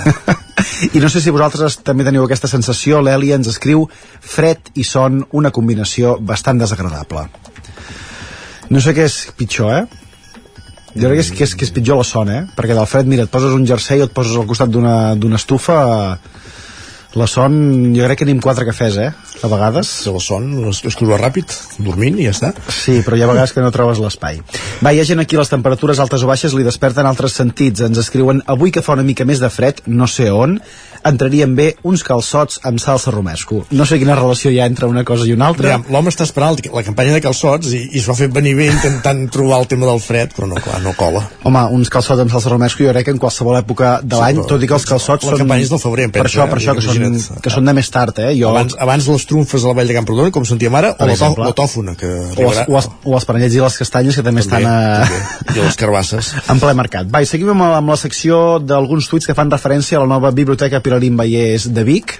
La Mia ens escriu... No hi viu allà, la Pilatina, vam quedar? No, i, va, i vam quedar que no. Ens escriuen aquesta setmana per xarxes la nova biblioteca té moltes coses bones, tres punts, excepte una de fonamental, Ai, dos punts. hi ha llibres. El silenci. Ah, no m'ho crec. Tot i que ens han venut que això, eh, que a les diferents plantes hi ha diferents graus de silenci, la planta baixa no n'espereu, a la segona planta en principi sí, no sé quina planta refereix aquesta, aquesta companya que ens escriu això per Twitter, però, però bé, haurien de portar ja de posat a sèrie allò que nosaltres en diem antibales en l'argot dels, en l'argot dels directes de la tele eh, que són auriculars d'aquells que t'aïllen bàsicament Doncs mira, potser és una solució. La Marta O també... La Marta ens escriu, hi ha gent que em pregunta què faig tantes hores a la biblioteca de l'institut i avui us duc un bon exemple. Diu, estic assistint a un curs virtual sobre manga i mentre l'escolto he aconseguit que un alumne de tercer d'ESO s'enganxi als petits plaers i una de quart d'ESO s'animi amb mirall trencat. Doncs mira, una cosa bona que hem fet ja per la societat. Manga i mirall trencat? Quines coses tan diferents que poden, que poden sorgir, eh? I no sé si vosaltres us teniu la mateixa sens- sensació que l'Anna en aquesta situació. Ens diu, una cosa que em treu molt de polleguera són els hipocondríacs. De fet, em desperten violència i tot. Ostres, uh, tampoc n'hi ha per posar-se així, és no? que hi ha hipocondríacs que són pèssims eh?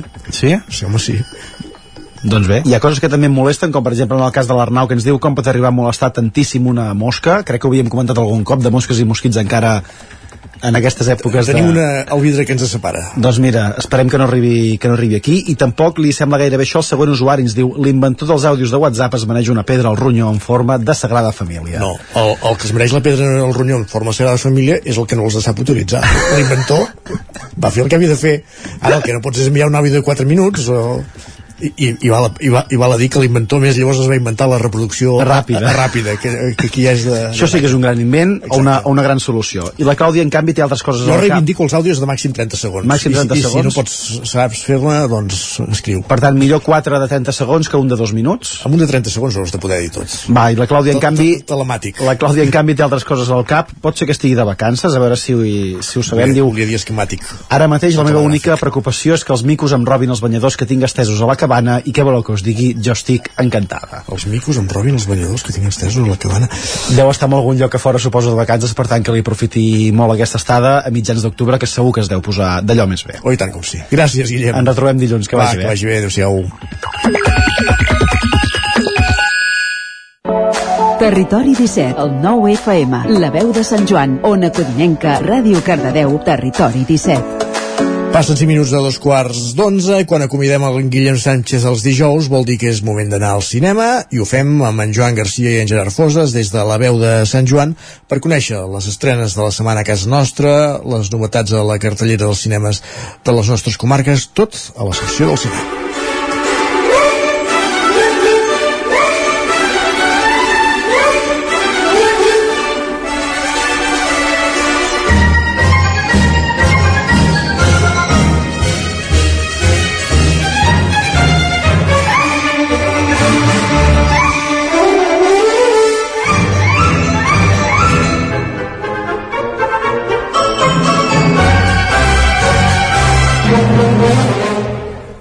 I una setmana més, moment de fer una anàlisi a les nostres cartelleres per saber què hem d'anar a veure al cinema. Ho farem, com sempre, amb en Gerard Fosses. Hola, Gerard.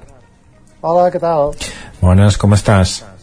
Doncs uh, recuperant-me encara. Encara? Però, bueno, sí, sí, sí. Això durarà, jo crec que dos mesos ben bons. Bé, recordem que, que en Gerard va ser Sitges, eh, la gent que ens estigui escoltant o que estigui escoltant el Territori 17 ja ho sabrà perquè aquestes dues últimes setmanes n'hem estat parlant i a més a més el dilluns vam fer una anàlisi més àmplia a la nostra emissora que reprenem avui, vam deixar les conclusions de Sitges per avui però no sé si vols començar per això o vols deixar-ho més per més endavant. Uh, com vulguis, si vols comencem per Sitges i després anem directament a les estrenes. Vale, perfecte, fem-ho així. Vinga. Uh, però mira, uh, aprofitarem la vinentesa perquè aquest cap de setmana hi ha dues pel·lícules que, que van estar al Festival de Sitges i a més les dues um, bastant bones um, que s'estrenen aquest cap de setmana que ja us dic dintre de la secció Arqueologia que és que Mhm. s'han d'anar a buscar probablement a Barcelona però la qüestió és que existeixen i que potser aviat arribaran a plataformes també uh, la primera es titula Los Cinco Diablos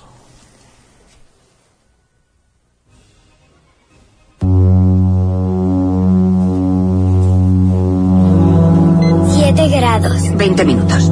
¿Preparada? Te quiero, mamá.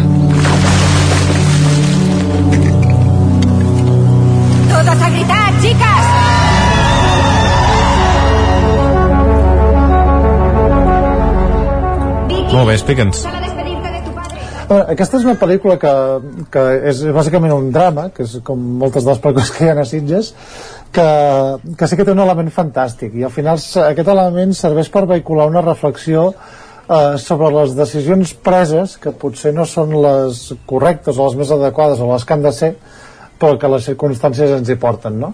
Mm. i això és la, la protagonista és una nena que a través d'una un, mena de, de pòssimes que comença a fer, no? que hi ha una, una mena de deix cap a la bruixeria, doncs és capaç de viatjar al passat i veure la seva mare de jove i fins i tot tenir contacte amb un personatge del passat que també estava a futur eh, tot el que dic és com molt enrebaçat al final no ho és tant però sobretot és, és interessant això no? de com la, la vida sembla que agafa una direcció llavors per, per unes circumstàncies o altres doncs en pren unes de diferents i, i és interessant com utilitza aquest element fantàstic doncs, per parlar de com Uh, algunes, hi ha unes limitacions que ens condicionen a les decisions que prenem a la vida i com això ens marca un destí i com també al final segurament tot uh, agafa o tot, tot va per al lloc on ha d'acabar no? realment és una pel·lícula molt bonica uh, protagonitzada per Adele Haenel que ja és una actriu prou coneguda per la vida d'Adele uh, Retrato de una mujer en llamas entre d'altres i, i realment és de lo millor que vam veure aquest any al festival Molt bé.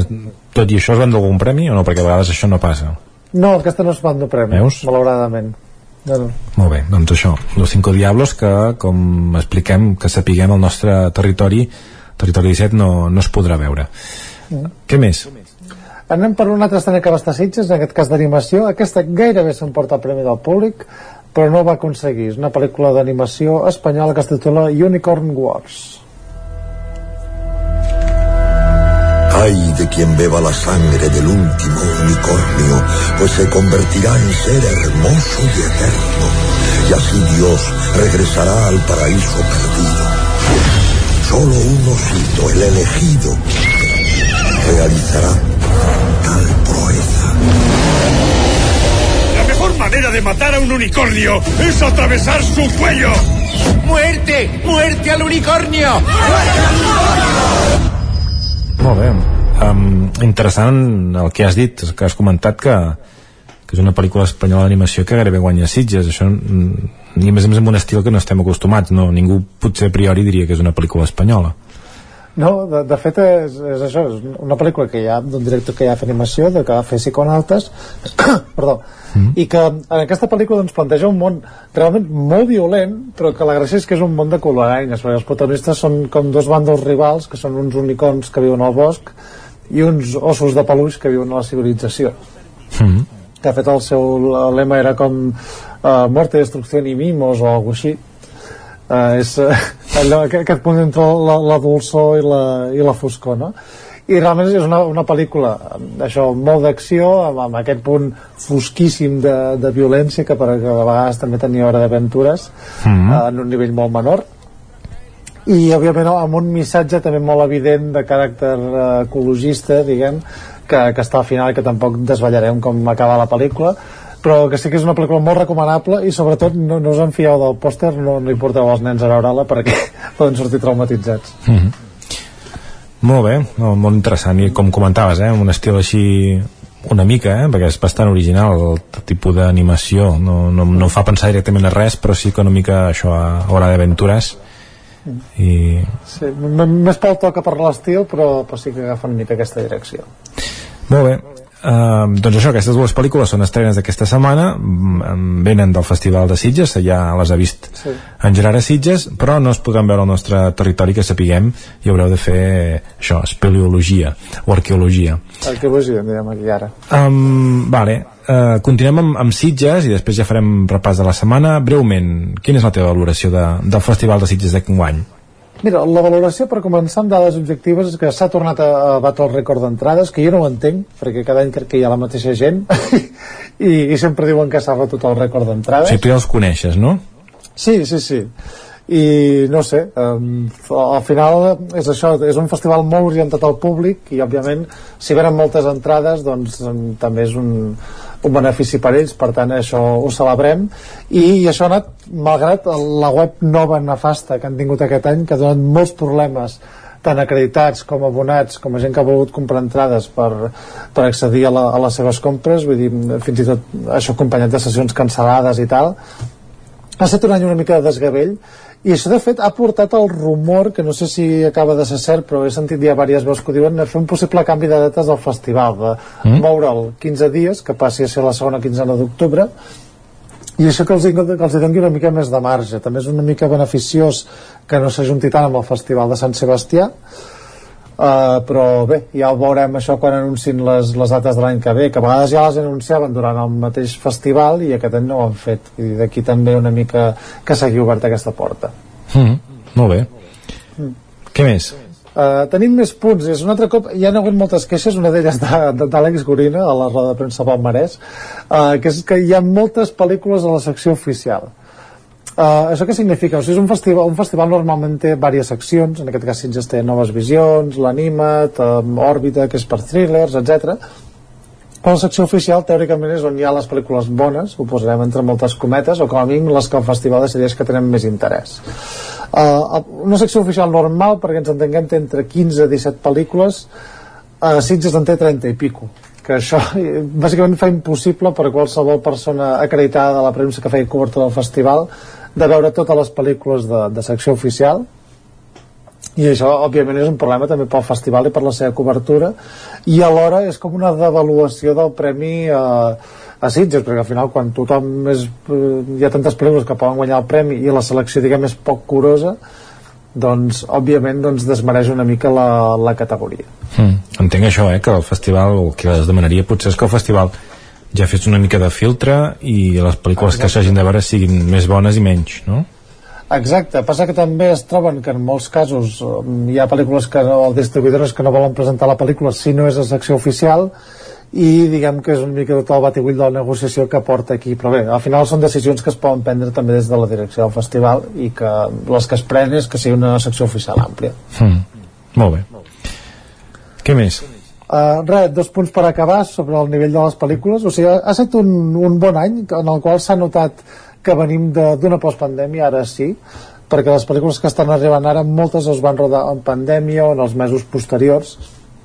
I ens trobem moltes pel·lícules uh, més aviat petites, amb pocs personatges poques localitzacions i, i també ens trobem que, que moltes entren a dins del drama que parlen temes d'això com el bullying el feminisme, ecologisme eh, la violència en general, eh, etc que, que ho fan a través d'un drama realment i perquè introdueixen els elements de gènere per vestir la metàfora. Però al final el gènere ja no és tant el vehicle de la història sinó l'excusa doncs, per, per fer una metàfora sobre, sobre el tema que sigui. No sé si aquesta ja serà la tendència del cinema de, de gènere fantàstic a partir d'ara, però aquí sí que és una mica el, el que ens hem trobat a, en aquesta edició del festival i tot i així hi ha pel·lícules molt bones com, com Night Siren, com la mateixa aquesta que hem comentat de, dels cinc diables, Enismen, amb Ego, per, per exemple, que és d'una nena que, que troba un nou amb un monstre, no? que és aquella barreja estranya amb, amb ET que ja vam comentar, mm -hmm. i, i bé, veurem si aquesta és la tendència. I també, per últim, la sensació que s'han escapat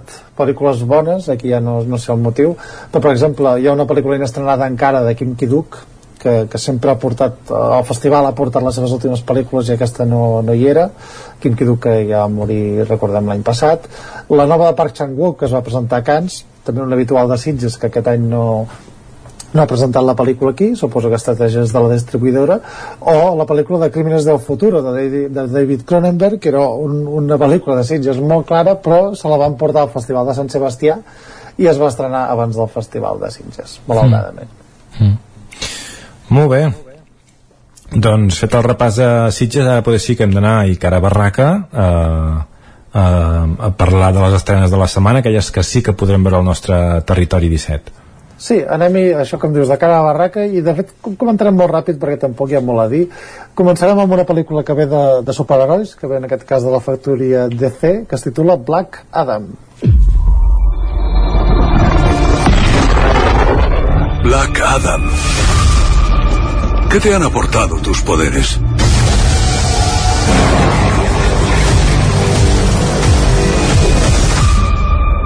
Solo dolores de cabeza. Fui un esclavo hasta que morí. Después renací como un dios.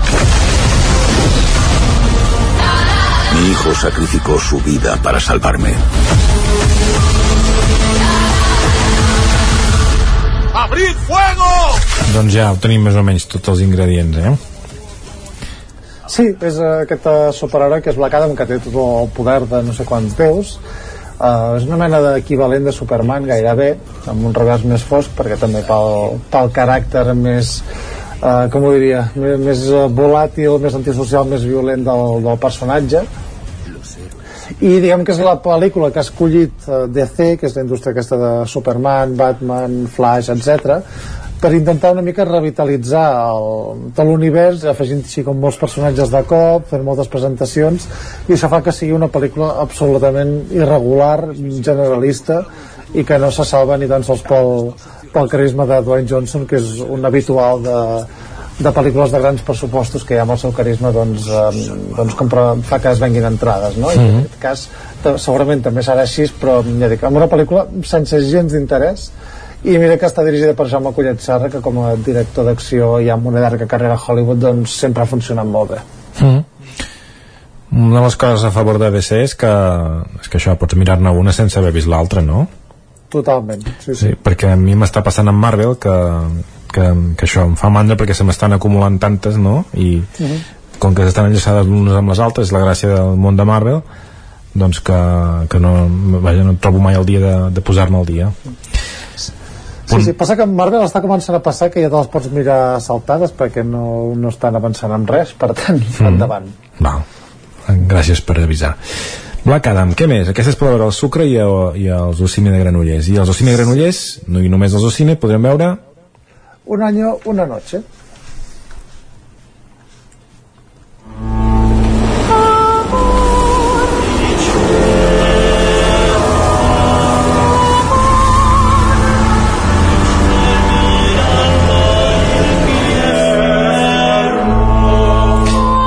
ja pots explicar perquè tothom té el context de- d'aquesta pel·lícula que és la- Sí. l'atemptat a la sala Bataclan ja fa uns quants anys eh? Sí, exacte. És una, aquesta és la nova pel·lícula d'Isaac i la Cuesta que es va presentar al Festival de Berlín i que recordem que era una de les grans favorites a guanyar l'Os d'Or juntament amb el Carràs, que va ser la que se la van portar finalment. I, i és una pel·lícula que, que adapta la novel·la de Paz, Amor i Death Metal de Ramon González, que, que va estar a la sala Bataclan, i diguem que en aquesta novel·la doncs, retrata una mica la, la seva experiència i les seves sensacions. Isaac i la Cuesta el que ha fet és agafar aquest testimoni, que així com a, com a bon director que fa ficció però, però és gairebé documental, amb, moltes vegades amb actors amateurs, amb, amb una mirada, eh, diguem, molt espia de la realitat, i aquí gairebé pràcticament narra una pel·lícula de, de terror que, que explica això, els fets de, de Bataclan. És, és realment una pel·lícula extraordinària i molt intensa que, que bé, a veure si, si té èxit a partir de, de les seves bones crítiques a Berlín. I sí que és veritat que em pensava que, que passaria pel Festival de Sant Sebastià o fins i tot per Sitges, ja que Isaac i la Cuesta ha tingut films allà. Però anem directament a, a les sales. Molt bé. I ara molt ràpidament aquesta la dic jo que segurament no la tens cli, fitxada però aquest dissabte um, si no es, es projecta perdó a l'hora dels infants a, del Sant, un documental del Sant Joan i Eduard Miguel a, al Palau de l'Abadia a les 6 de la tarda al cinema Comtal de Ripoll uh, Lilo, mi amigo el cocodrilo què, man, què, què és això? Sí, veure, això és una, bueno, és una pel·lícula que de fet s'estrena aquesta setmana, per tant el cinema Comtal està d'estrena, i és això, una, una pel·lícula familiar eh, que, que explica la història d'un nen que es, es muda a Nova York amb la seva família i allà es fa amic d'un cocodril, no? amb aquesta llegenda urbana de, dels cocodrils que viuen a, a les clavegueres de Nova York doncs, i a més a més això, amb números musicals, històries així vull dir, és, és pel·lícula per, per tota la família Molt bé. El casal Camprodoní, Argentina, 1985. Sí, és aquesta pel·lícula amb Ricardo Darín, també estrenada recentment, i és un thriller també basat en fets reals sobre mm, una història judicial als anys 80 que té a veure amb la dictadura d'Argentina. El cinema Catalunya de Ribes, Cicle Gaudí, Toscana. Sí, el segle Gaudí està de moda toscana, la veurem també a l'Esbarjo Cardedeu, ja ho avanço, i això és una comèdia catalana de Pau Durà, Uh, no em posarem l'argument perquè la sinopsis és tot un relat dels embolics de la pel·lícula. Uh, el que sí que jo no l'he pogut veure però sí que he sentit dir que és bastant divertida per tant la, la recomanem. I a més a més és curta, 80 minuts per tant endavant A l'Esbarjo de Cardedeu també ja ho has comentat, Toscana, però també Buena Suerte, Leo Grande, o bona, sí, així, eh? I el nen sí. dofí. Sí, el nen dofí també pel·lícula per, per tota la família, d'un nen que viu al mar i és amic d'un dofí, òbviament. I, i Bona sort el Leo Grande és una, una comèdia-drama britànica de, molt eloquent que, que, que és, és una dona que decideix contractar un gigoló doncs, per buscar noves experiències a nivell sexual i diguem que a partir d'aquesta premissa doncs, intenta reflexionar sobre això, la recerca de, del plaer, la satisfacció amb la vida, o sigui, relacionar la sexualitat amb, amb tot el que és el teu entorn vital, no? I és una, una pel·lícula molt, molt eloquent, sobretot. Com comentaves, el Ter Torelló també, la Toscana, fa, fa ruta aquesta pel·lícula del cicle Gaudí. Sí. I al Cineclub de Vic, en la propera sessió del dia 25, Johnny va agafar el fusell. Sí, aquí estem parlant de, ja d'un clàssic, pel·lícula de, de Dalton Trumbo, eh, que projectem en 35 mil·límetres, i, i és això, l'única pel·lícula que va dirigir adaptant la seva pròpia novel·la, que és aquest al·legat antibalicista que, que protagonitza un noi que durant la segona, ai, perdó, durant la primera guerra mundial doncs queda ferit, que, que es queda sense veu, sense extremitats i bàsicament és un tors eh, tirat al llit i tot i així doncs decideix tirar endavant. És realment una pel·lícula extraordinària. Molt bé, perfecte. Doncs Gerard, moltíssimes gràcies i fins la setmana vinent. Molt bé, fins la setmana que ve, adeu-siau Adeu Gràcies Gerard, també gràcies Joan. Fins aquí al cinema i ara és moment de parlar de sèries. Territori 17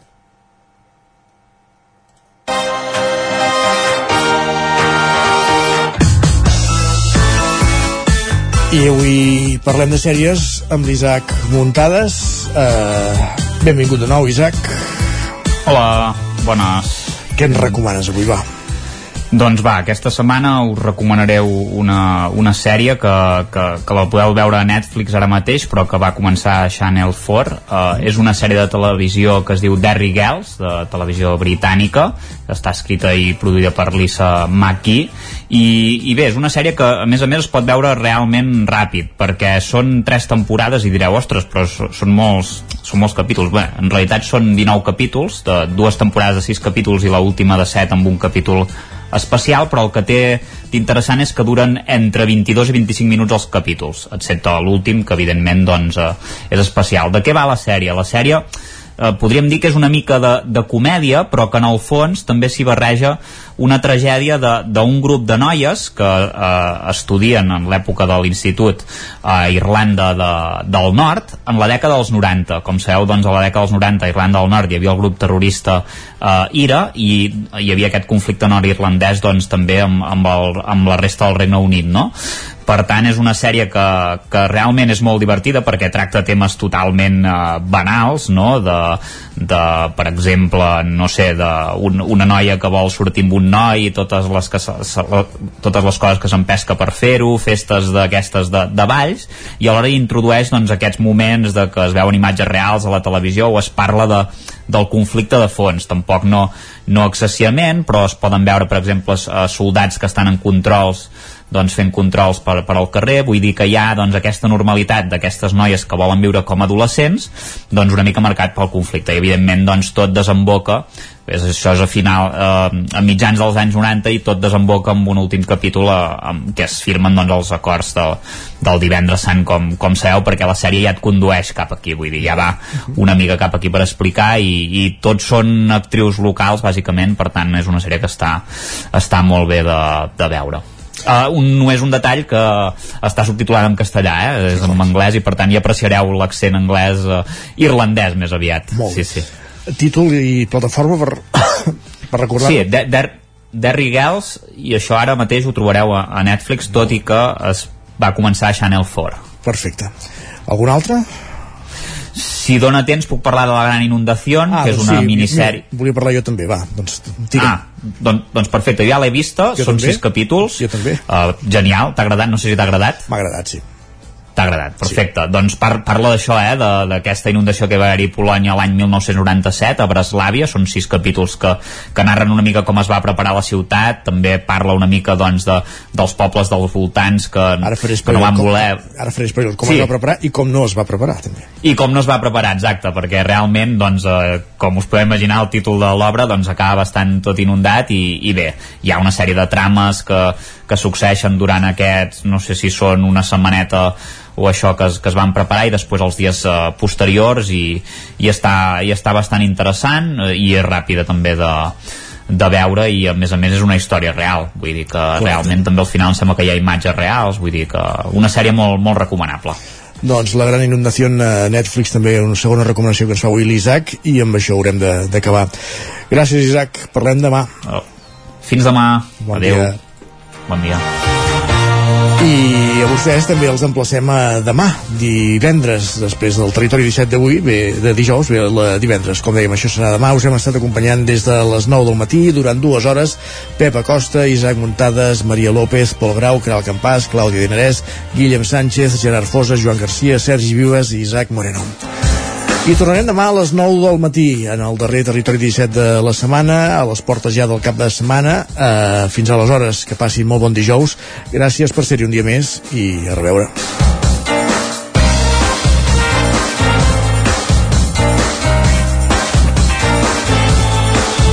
Territori 17 un magazín del nou FM. La veu de Sant Joan, Ona Codinenca i Ràdio Cardedeu amb el suport de la xarxa.